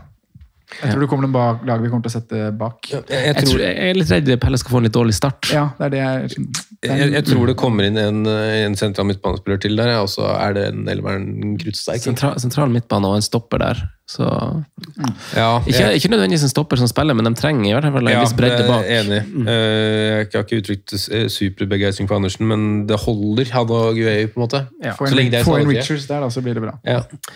Eh, Og så tror jeg faktisk det kan løfte seg å få en Johnston inn der også. Ja, spennende. Liker. Liker at du dro fra. I motsetning til laget du starta denne episoden med, så er Simen eh, episodens siste lag. Eh, Newcastle, en ganske god vår eh, de kan legge på bordet. Eh, ta oss av gårde på en reise til eh, Tyneside. Ja, eh, det er jo sånn Det er jo noen lag man kanskje ikke har lyst til å prate om alt som skjer utenom det, det sportslige, men eh, når man så på en måte fjorårs eh, avslutning på sesongen, da, og hvordan man ser spesielt oddslinjene nå for hvor lagene skal plasseres på tabellen etc., så er dette et lag som er øverst hvis du tar bort topp seks. De er eh, per nå favoritter til å bli nummer sju i, i ligaen. Er det sant? Eh, de har jo en lommebok som er eh, ja, litt som eh, veska til Harry Potter. Det finnes ikke en ende der. Eh, så, men samtidig så Nå er du god! man-. Ja, nå er er du god. Så har man ikke gjort uh, Simen som gjør heimeleksa, det er Gjør, tar du, de der på, du tar de på sparket? Den tok jeg på sparket, faktisk. ja, eh, Men de har kanskje ikke gjort så mange overganger som man hadde venta. Jeg hadde faktisk forventa mer action av øh, Newcastle uh, med tanke på at de punga ut veldig mye for Guimares i, i januar. Henta liksom eh, godeste Kommer jeg ikke på Langemann, Dan Byrne og, og Chris Wood. Eh, så hadde jeg liksom forventa helt ærlig mer enn Sven Botman og, og Nick Bopp. For vi visste jo på en måte at Taget kom til å bli permanent, Permanent. ut fra, fra det lånet som var. Eh, Botman derimot er jo en sånn eh, superspennende signering. Det er en spiller som har eh, vært linka til annet Liverpool når de sleit med, med stoppere. Vært linka til masse store eh, klubber. Og så er det liksom Endte opp med Colker. Var det sånn Nei, tilbake i tiden? nei, vi skal tilbake til eh, Ben Davies og Ozan Kabak. Okay, ja, ja. Eh, Den perioden der hvor de, trengte en nødløsning, og så var det vel sånn at man ikke ville kjøpe noe mindre man var Mm. kjempetrygg på det, og så ble det en eh, billig løsning i, Ben Davies der. Men det er jo en, det er alltid spennende med sånne spillere. Vi hadde noen uh, varianter med tidligere med Kamara kanskje i Villa, hvor man liksom man er usikker på hvorfor klubbnummer klubber liksom helt oversikt til hvorfor henter ikke de den spilleren. For den har rykte overalt, men hvorfor er det ingen som gjør den overgangen permanent? Ja, ja. Eh, nå gjorde Villa det kjapt med Kamara, bare få det unna. Det virker det som liksom Newcastle hadde bare bestemt seg for Botman, han skal vi ha. Vi gjør det unna, for det er jo en spiller som utvilsomt de større klubbene har sikta på. Eh, men som bare kanskje ikke har turt av en eller annen grunn, og synes det ble for dyrt. Og det virka som han også satt på gjerdet en periode og venta på, ventet på et, Ja. Jeg husker jeg sleit i januar. De var jo ute i januar, det i ja. januar, så vet jeg ikke om Dan Burn var en sånn nødløsning eller liksom second choice der, men, men det, det ble da faktisk ganske suksessfullt å, å hente inn han og gjøre ham, er verdens kuleste back til en, til en stopper også. Så, Newcastle-lad, er han ikke det? Hæ? Dan Burn er vel Newcastle-ledd òg. Ja. Ja, det er han jo Ja, sikkert. så det Ja. Sikkert derfor han var så godt likt og tatt imot med Ja, en gang. Da. helt- Jeg kan, kan, stemmer nok at du har riktig der, Sondre. Eh, Så har det riktignok ikke gått noen eh, spesielt viktige ut. da. Det har liksom vært å merke en Freddie Woodman og en, og en Dwight Gale til, til Stoke. er ikke mye Newcastle kommer til, å, kommer til å savne, men jeg, tror jo egentlig at det kommer til å skje mer. da. I Man venter jo liksom bare på det. Ja, og, men samtidig så har det ikke vært sånne der all verdens rykter om Men er ikke det litt smart av dem? Å ikke Altså, gjøre så mye? Ikke gjøre sånn megamye. For de det- eh, det var det. var på en veldig god oppadkurve nå. Skaper litt god stemning med dem som var med på den bragden. Og så supplere med noen god De hadde jo god keeper fra før av, egentlig, men Ja. ja Keeperen er sånn der, wow, de henter Pope, ja. Dubravka er bra. men, Jo, jo, men med Pope og Botman. Så det er liksom, det er liksom stein for Pope stein, og ikke Pope er en bra signering, altså. Ja, ja, du Ja, gæren, det er helt kanon, men, eh, men det er jo bare Vi likte jo prisen de får òg. Men det er jo bare han eh, andre keeperen, jeg husker ikke navnet på slovaken. Men, eh, Dubravka? Dubravka, ja. Ja. Eh, ja. Dubravka. Ja, prisen har for ikke så mye å si, som vi var, var innom, da. Men, øh, og, og den overgangen der er jo helt ærlig en av det beste som er gjort i sommer. Eh, i, min- Jeg tror også det er en kjempe... Eh, og Botman tror jeg kan være potensielt veldig bra, men det er mulig jeg er naiv, eller et eller annet sånt, altså. men jeg hadde forventa ganske mange større summer og flere overganger inn. da. Eh, det er jo, jeg syns jo, som du sier, Frank, at det, det er et godt tegn. da. At Ja, ikke at bare ikke- hopper på At det de ikke er tidlig Manchester City med Joe og Elano og Elano og og- De kan liksom splashe cash på det de vil nå, men de, de venter forhåpentligvis der på de riktige spillerne. Ja. De har jo blitt linka til mye i sommer. Du, jeg vet ikke om du nevnte det, men det har jo Anthony Gordon har vel vært der. Ja. Eh, Alexander Isak. Brokha Harrison, som episode. Harrison. Ja. Så det har jo vært navn som Der kan det jo fort, fortsatt skje mye. Mm. Holdt jeg på å si. Vi er jo over en måned i en overgangsvindu òg, så det er jo en, også en rar ting i år. At de Ja. starter såpass tidlig og Ja. har såpass mange kamper før overgangsvinduet stenger. Um, Men jeg også trodde jo, trodde jo også Vi satt jo og snakka om det sikkert på en av de siste episodene for, for forrige sesong. At liksom, vi kommer til å se at eh, Newcastle linkes til alle de samme spillene som Real Madrid. Og, Jeg husker hvordan det var når overtagelsen ble et faktum, hvor det var bilder av Mbappé og Haaland, og man trodde jo at dette skulle være Ja. på plass allerede nå, men det, det er jo ikke sånn det funker. og Jeg, jeg må jo si at det er, det er godt å se at de, de ikke bare kaster uh, summer etter spillere, men forhåpentligvis prøver å gjøre en litt grundigere research og treffe riktig navn. Og så er det liksom litt sånn rart også at ikke flere på en måte spillere har vært på vei ut òg. Altså, Mm. med tanke på liksom hva man skal bygge videre. At man liksom ikke bare kaster alt på dør. Mm. Greit, nok, Dwight Gale hadde jo antageligvis blitt, uh, blitt sendt videre uansett om det hadde blitt ordentlig overtakelse eller ikke. Uh, men det er liksom egentlig den samme troppen uh, med noen få, få stryker. Da. Så tror jeg jo, som dere er inne på, at jeg tror ikke det blir en sånn enorm revolusjon med Pope info Dubrauka, men det er et steg opp. Eh, jeg syns jo Botman inn i en litt sånn skadepreget midtstopperland er en ganske god signering. Så har de på en måte Det blir nok Botman Burn, eh, Botman Skjær. Ja, og så har man liksom noen muligheter hvis det skulle skjære seg. Lascelles er vel virker å være ferdig ferdig på det nivået der. Ut, uh, Hvor mye skader han hatt de siste sesongene. Eh, fortsatt kaptein, vel, i, i den klubben der. Så eh, s- savner kanskje en makker til uh, Gumares, da, hvis man skal være litt sånn ærlig på det. Willoch etter lånet ble ikke like bra som under lånet. Joe Linton Eh. Shelby er vel har evig jo årets gjennombrudd i fjor, ja. Joe Linton. Joe Joe Joe Linton, ja. jo- Eh, var jo fin der mot eh, Spesielt som sesongen gikk. Mm. Um, så er det liksom St. Maxime og Almiron på kanten. Altså, jeg, jeg tror ikke det laget per dato nå er godt nok til å bli nummer sju. Nei, Jeg det er enig. Ikke Og oddsen er jo nærheten, satt på basert på midler og forventning og forsterkning, virker det nesten Ja. som. For det, som du sier, jeg er helt enig med deg at laget på papiret er ikke et syvendeplass. Jeg syns ikke det her laget er bedre enn det laget vi akkurat prata om. Når vi prater om en elver. Nei, Det syns jeg ikke. jeg enig i det. Men eh, vidt. som du sier, så kan det skje veldig mye på en måned med et overgangsvindu. Mm. Eh, og så er det det å spille det inn og alt det der, og hvor seint man får det inn, så kanskje man ikke er klar for to-tre uker etter det. Um, ja, nei, jeg, så jeg syns eh, med unntak Hvis vi tenker offensivt, da, med unntak av St. Maxime, så syns jeg ikke det er så veldig mange Ja, Callum Wilson er jo en steady Eddie, men uh, ellers mm. er det ikke så mye mer spennende, altså. Callum Wilson han har vel utrolig gode tall å vise til Ja. når han spiller, og har en ekstrem sånn ratio av å være involvert når Newcastle skårer mål. Men han spiller jo ikke over 30, ikke over 30 kamper. Jeg, jeg husker så spesielt når han kom opp med, med Bournemouth, så trodde jeg det liksom var en helt annen type spiss, egentlig. Jeg trodde det bare var en bakromsspiss som på en måte var det og måtte fôre. Så det virka litt sånn i starten av Bournemouth, men han er jo en, en direkte uh, måltyv. Altså gode, smarte bevegelser inn i boks, uh, stikker foran eller bak stopperen, kommer på blindsted. Altså, det er jo den type spiss han er. Ganske god på huet, god på liksom Ja, legge Avslutte innlegg, liksom. Ja. Så, men ehm, Jeg hadde Colum Wilson i mitt første draft. Det husker jeg du sendte. Og Ja. det, det, det er det som fikk meg til å sjekke. okay, Hvorfor har han Sondre han? Det er sikkert en god årsak til det. Og det er bare sånn, å ja, det, det liksom der er Det, det er masse masse man kan skryte av med han. Og så synes jeg, Bortsett fra runde tre og fire, da, så er jeg jo 3 og fem. Tre og fem, beklager. Eh, og for så vidt fire òg. Borte. Men bortsett fra de tre kampene, så syns jeg programmet er veldig fint for ja, det er det. Det er det. De har det er Eh, god start. det er liksom, de har, det er noen sånne kviser inni der, da, i spesielt tre og fem, hvor de møter eh, andre- og tredjeplassen neste sesong. Si at du har liksom bunkra opp med disse Med disse Andre tredje. Hvis du bunker opp med mm, Neko Williams, eh, Everton Gordon. Nei. Nei, hva, her, Ja, å ja, du tenker på han backen? Patterson, Patterson, Patterson, og Pereira. Så kan du på en måte ha et eh, Newcastle-asset og bare bytte ut i runde 3 og 5, og så Ja. spille en av disse 4-0-gutta, 4-5, som er liksom billigste. mm. og få det til å funke ganske bra. Jeg har sett en del draft med Trippier eh, inne. Ja, han jeg. Eh, syns jo på en måte Ikke glem at han er skadefri. Everton har Forest hjemme i runde tre, så Patterson inn for, eh, for eh, Trippier der funker jo veldig fint. Ja, så det er jo noen sånne, sånne muligheter. Men altså, spesielt de to lagene vi har vært innom, da, og Villa og, og Palace, så syns jeg liksom Villa og Palace har bedre lag, bedre elver. Eh, Per nå har per det, nå. jeg.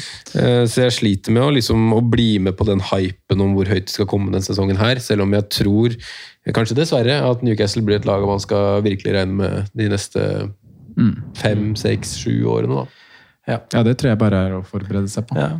Men uh, ja, vi ser jo det. liksom, det er liksom De starter med Pope der, og det blir liksom og ikke sånn City starter med Shay Given. Newcastle-supportere når jeg sier det, da, men man skjønner kanskje Ja. hva man mener med det, dessverre. da. men ja, det, nei, eh, jeg er egentlig ganske enig med deg uh, i det. Uh, men jeg tenker at hva med Hva med godeste Almiron? Ja. Han som det- fikk litt pes av Jack Grealish der på noen feiringer. Det er, jo, Ja. det er jo kanskje den artigste videoen som kom i sommer. De, da, de dagene der med Jack Grealish på, på, på seiersrus der, det var fantastisk å føle. altså. ærlige Jack Grealish. Bytte ut Riyad Mahrez. He looked like Almiron. Det beste jeg har vært borti. Det Hvor skal, vi, hvor skal vi ha Newcastle på tabellen? Du er da bak Palace og Villa? eller? Ja, jeg er det- altså, man må jo sette standingen på der man er nå. Det er det vi har gjort. Det var det vi gjorde når Ja. vi satt Nottingham Forest over Fulham og Bournemouth. Franco. Mm. Det var det, men jeg har dem øverst likevel.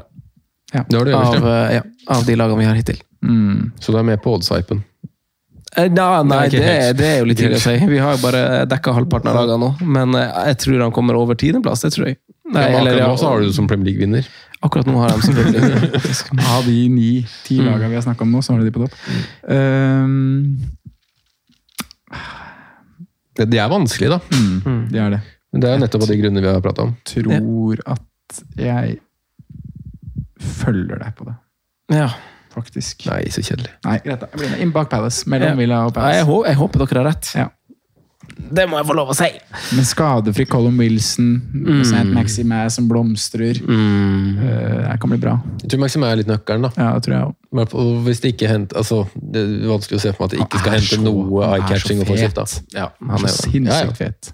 Han er blant de kuleste. Alle, alle kuleste. Ja. Ja, på banen så har han åpenbart litt sånn karisma òg, Ja. som person. Han ser bare Twitter og ja. alt. ja.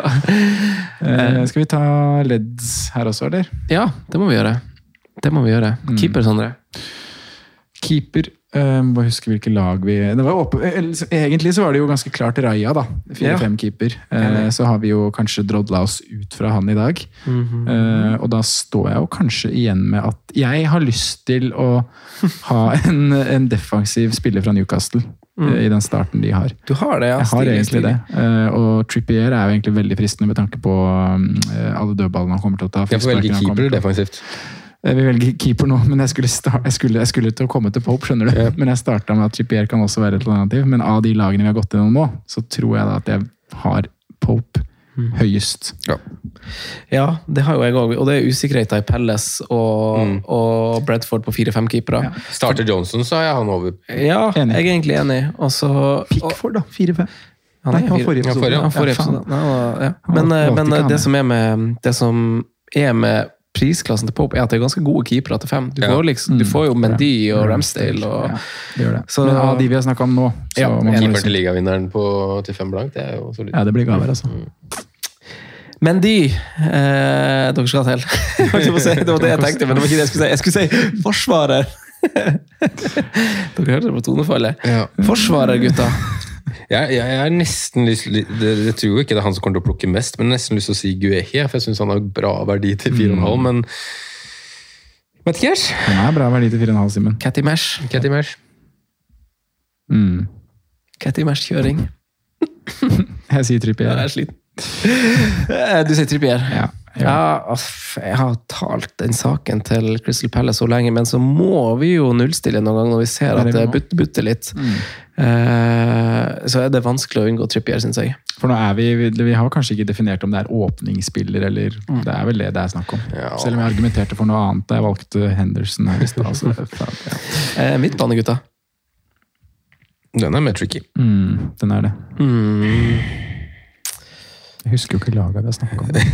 Du må, se, du må ta opp den der prepods-dokumentet du har fått fra Franco. Det blir eh, Vissa eller Louis Potter. Potter, du. Ja, ja, å, ja, du noterer i det? Ja, ja. ja, Ja, det gjør jeg òg. jeg tror Jeg sier SE. Å, gjør du det? Ja, den er fin. Den, Yes. Jeg syns jo um, det blir Sier man SE? Jeg sier Zaha. Jeg sier Wilfred Saha. Ja. Oi, det er liksom ingen som er på Coutinho eller eh, Eller Eileen Eller Sant Maximan. Ja, du sier Bailey. Bailey. Ja. Let's go, Bailey.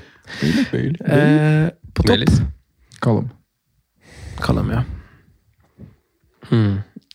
Da kjører jeg Ivan Towney. Mm. Watkins på Simen, da. Nei, er du gæren.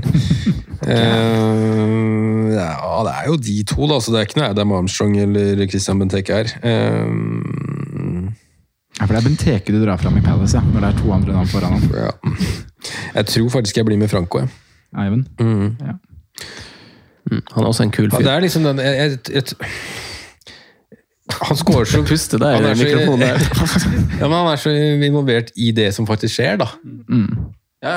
Jeg tror jo egentlig på en litt dårligere sesong for Brentford, men Tony tror jeg liksom kan levere det samme, egentlig, uansett. Med Louis Potter bak han, så kan alt skje. Ja. Nye Jared Bowen. Eh, Det, dere gutta, vi vi Josh eh, da Silva, egentlig? Nei, det gjorde ikke Nei, Han var skada mye i fjor. Ja, ja, ja. Var god på FM. Han kjøpte for 100 han er gang. gang. Nei, han skal nok inn og leke litt. Han kjøpte det for 100 milligang. Ja. Potential.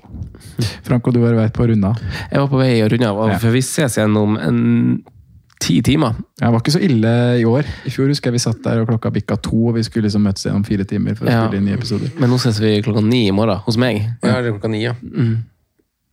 Ja, du, du må stå opp, du. Ja, jeg må stå opp. Ja, men det klarer du. Du er god på det der. ja. Eh, Men eh, takk for at du inviterte oss inn i stua di, Sondre. Og takk Bare til lyttere som har fulgt oss til veis ende. Takk for at dere ville komme. Ha det. Ha evening. The ball. Jimenez might go in a line. Good evening.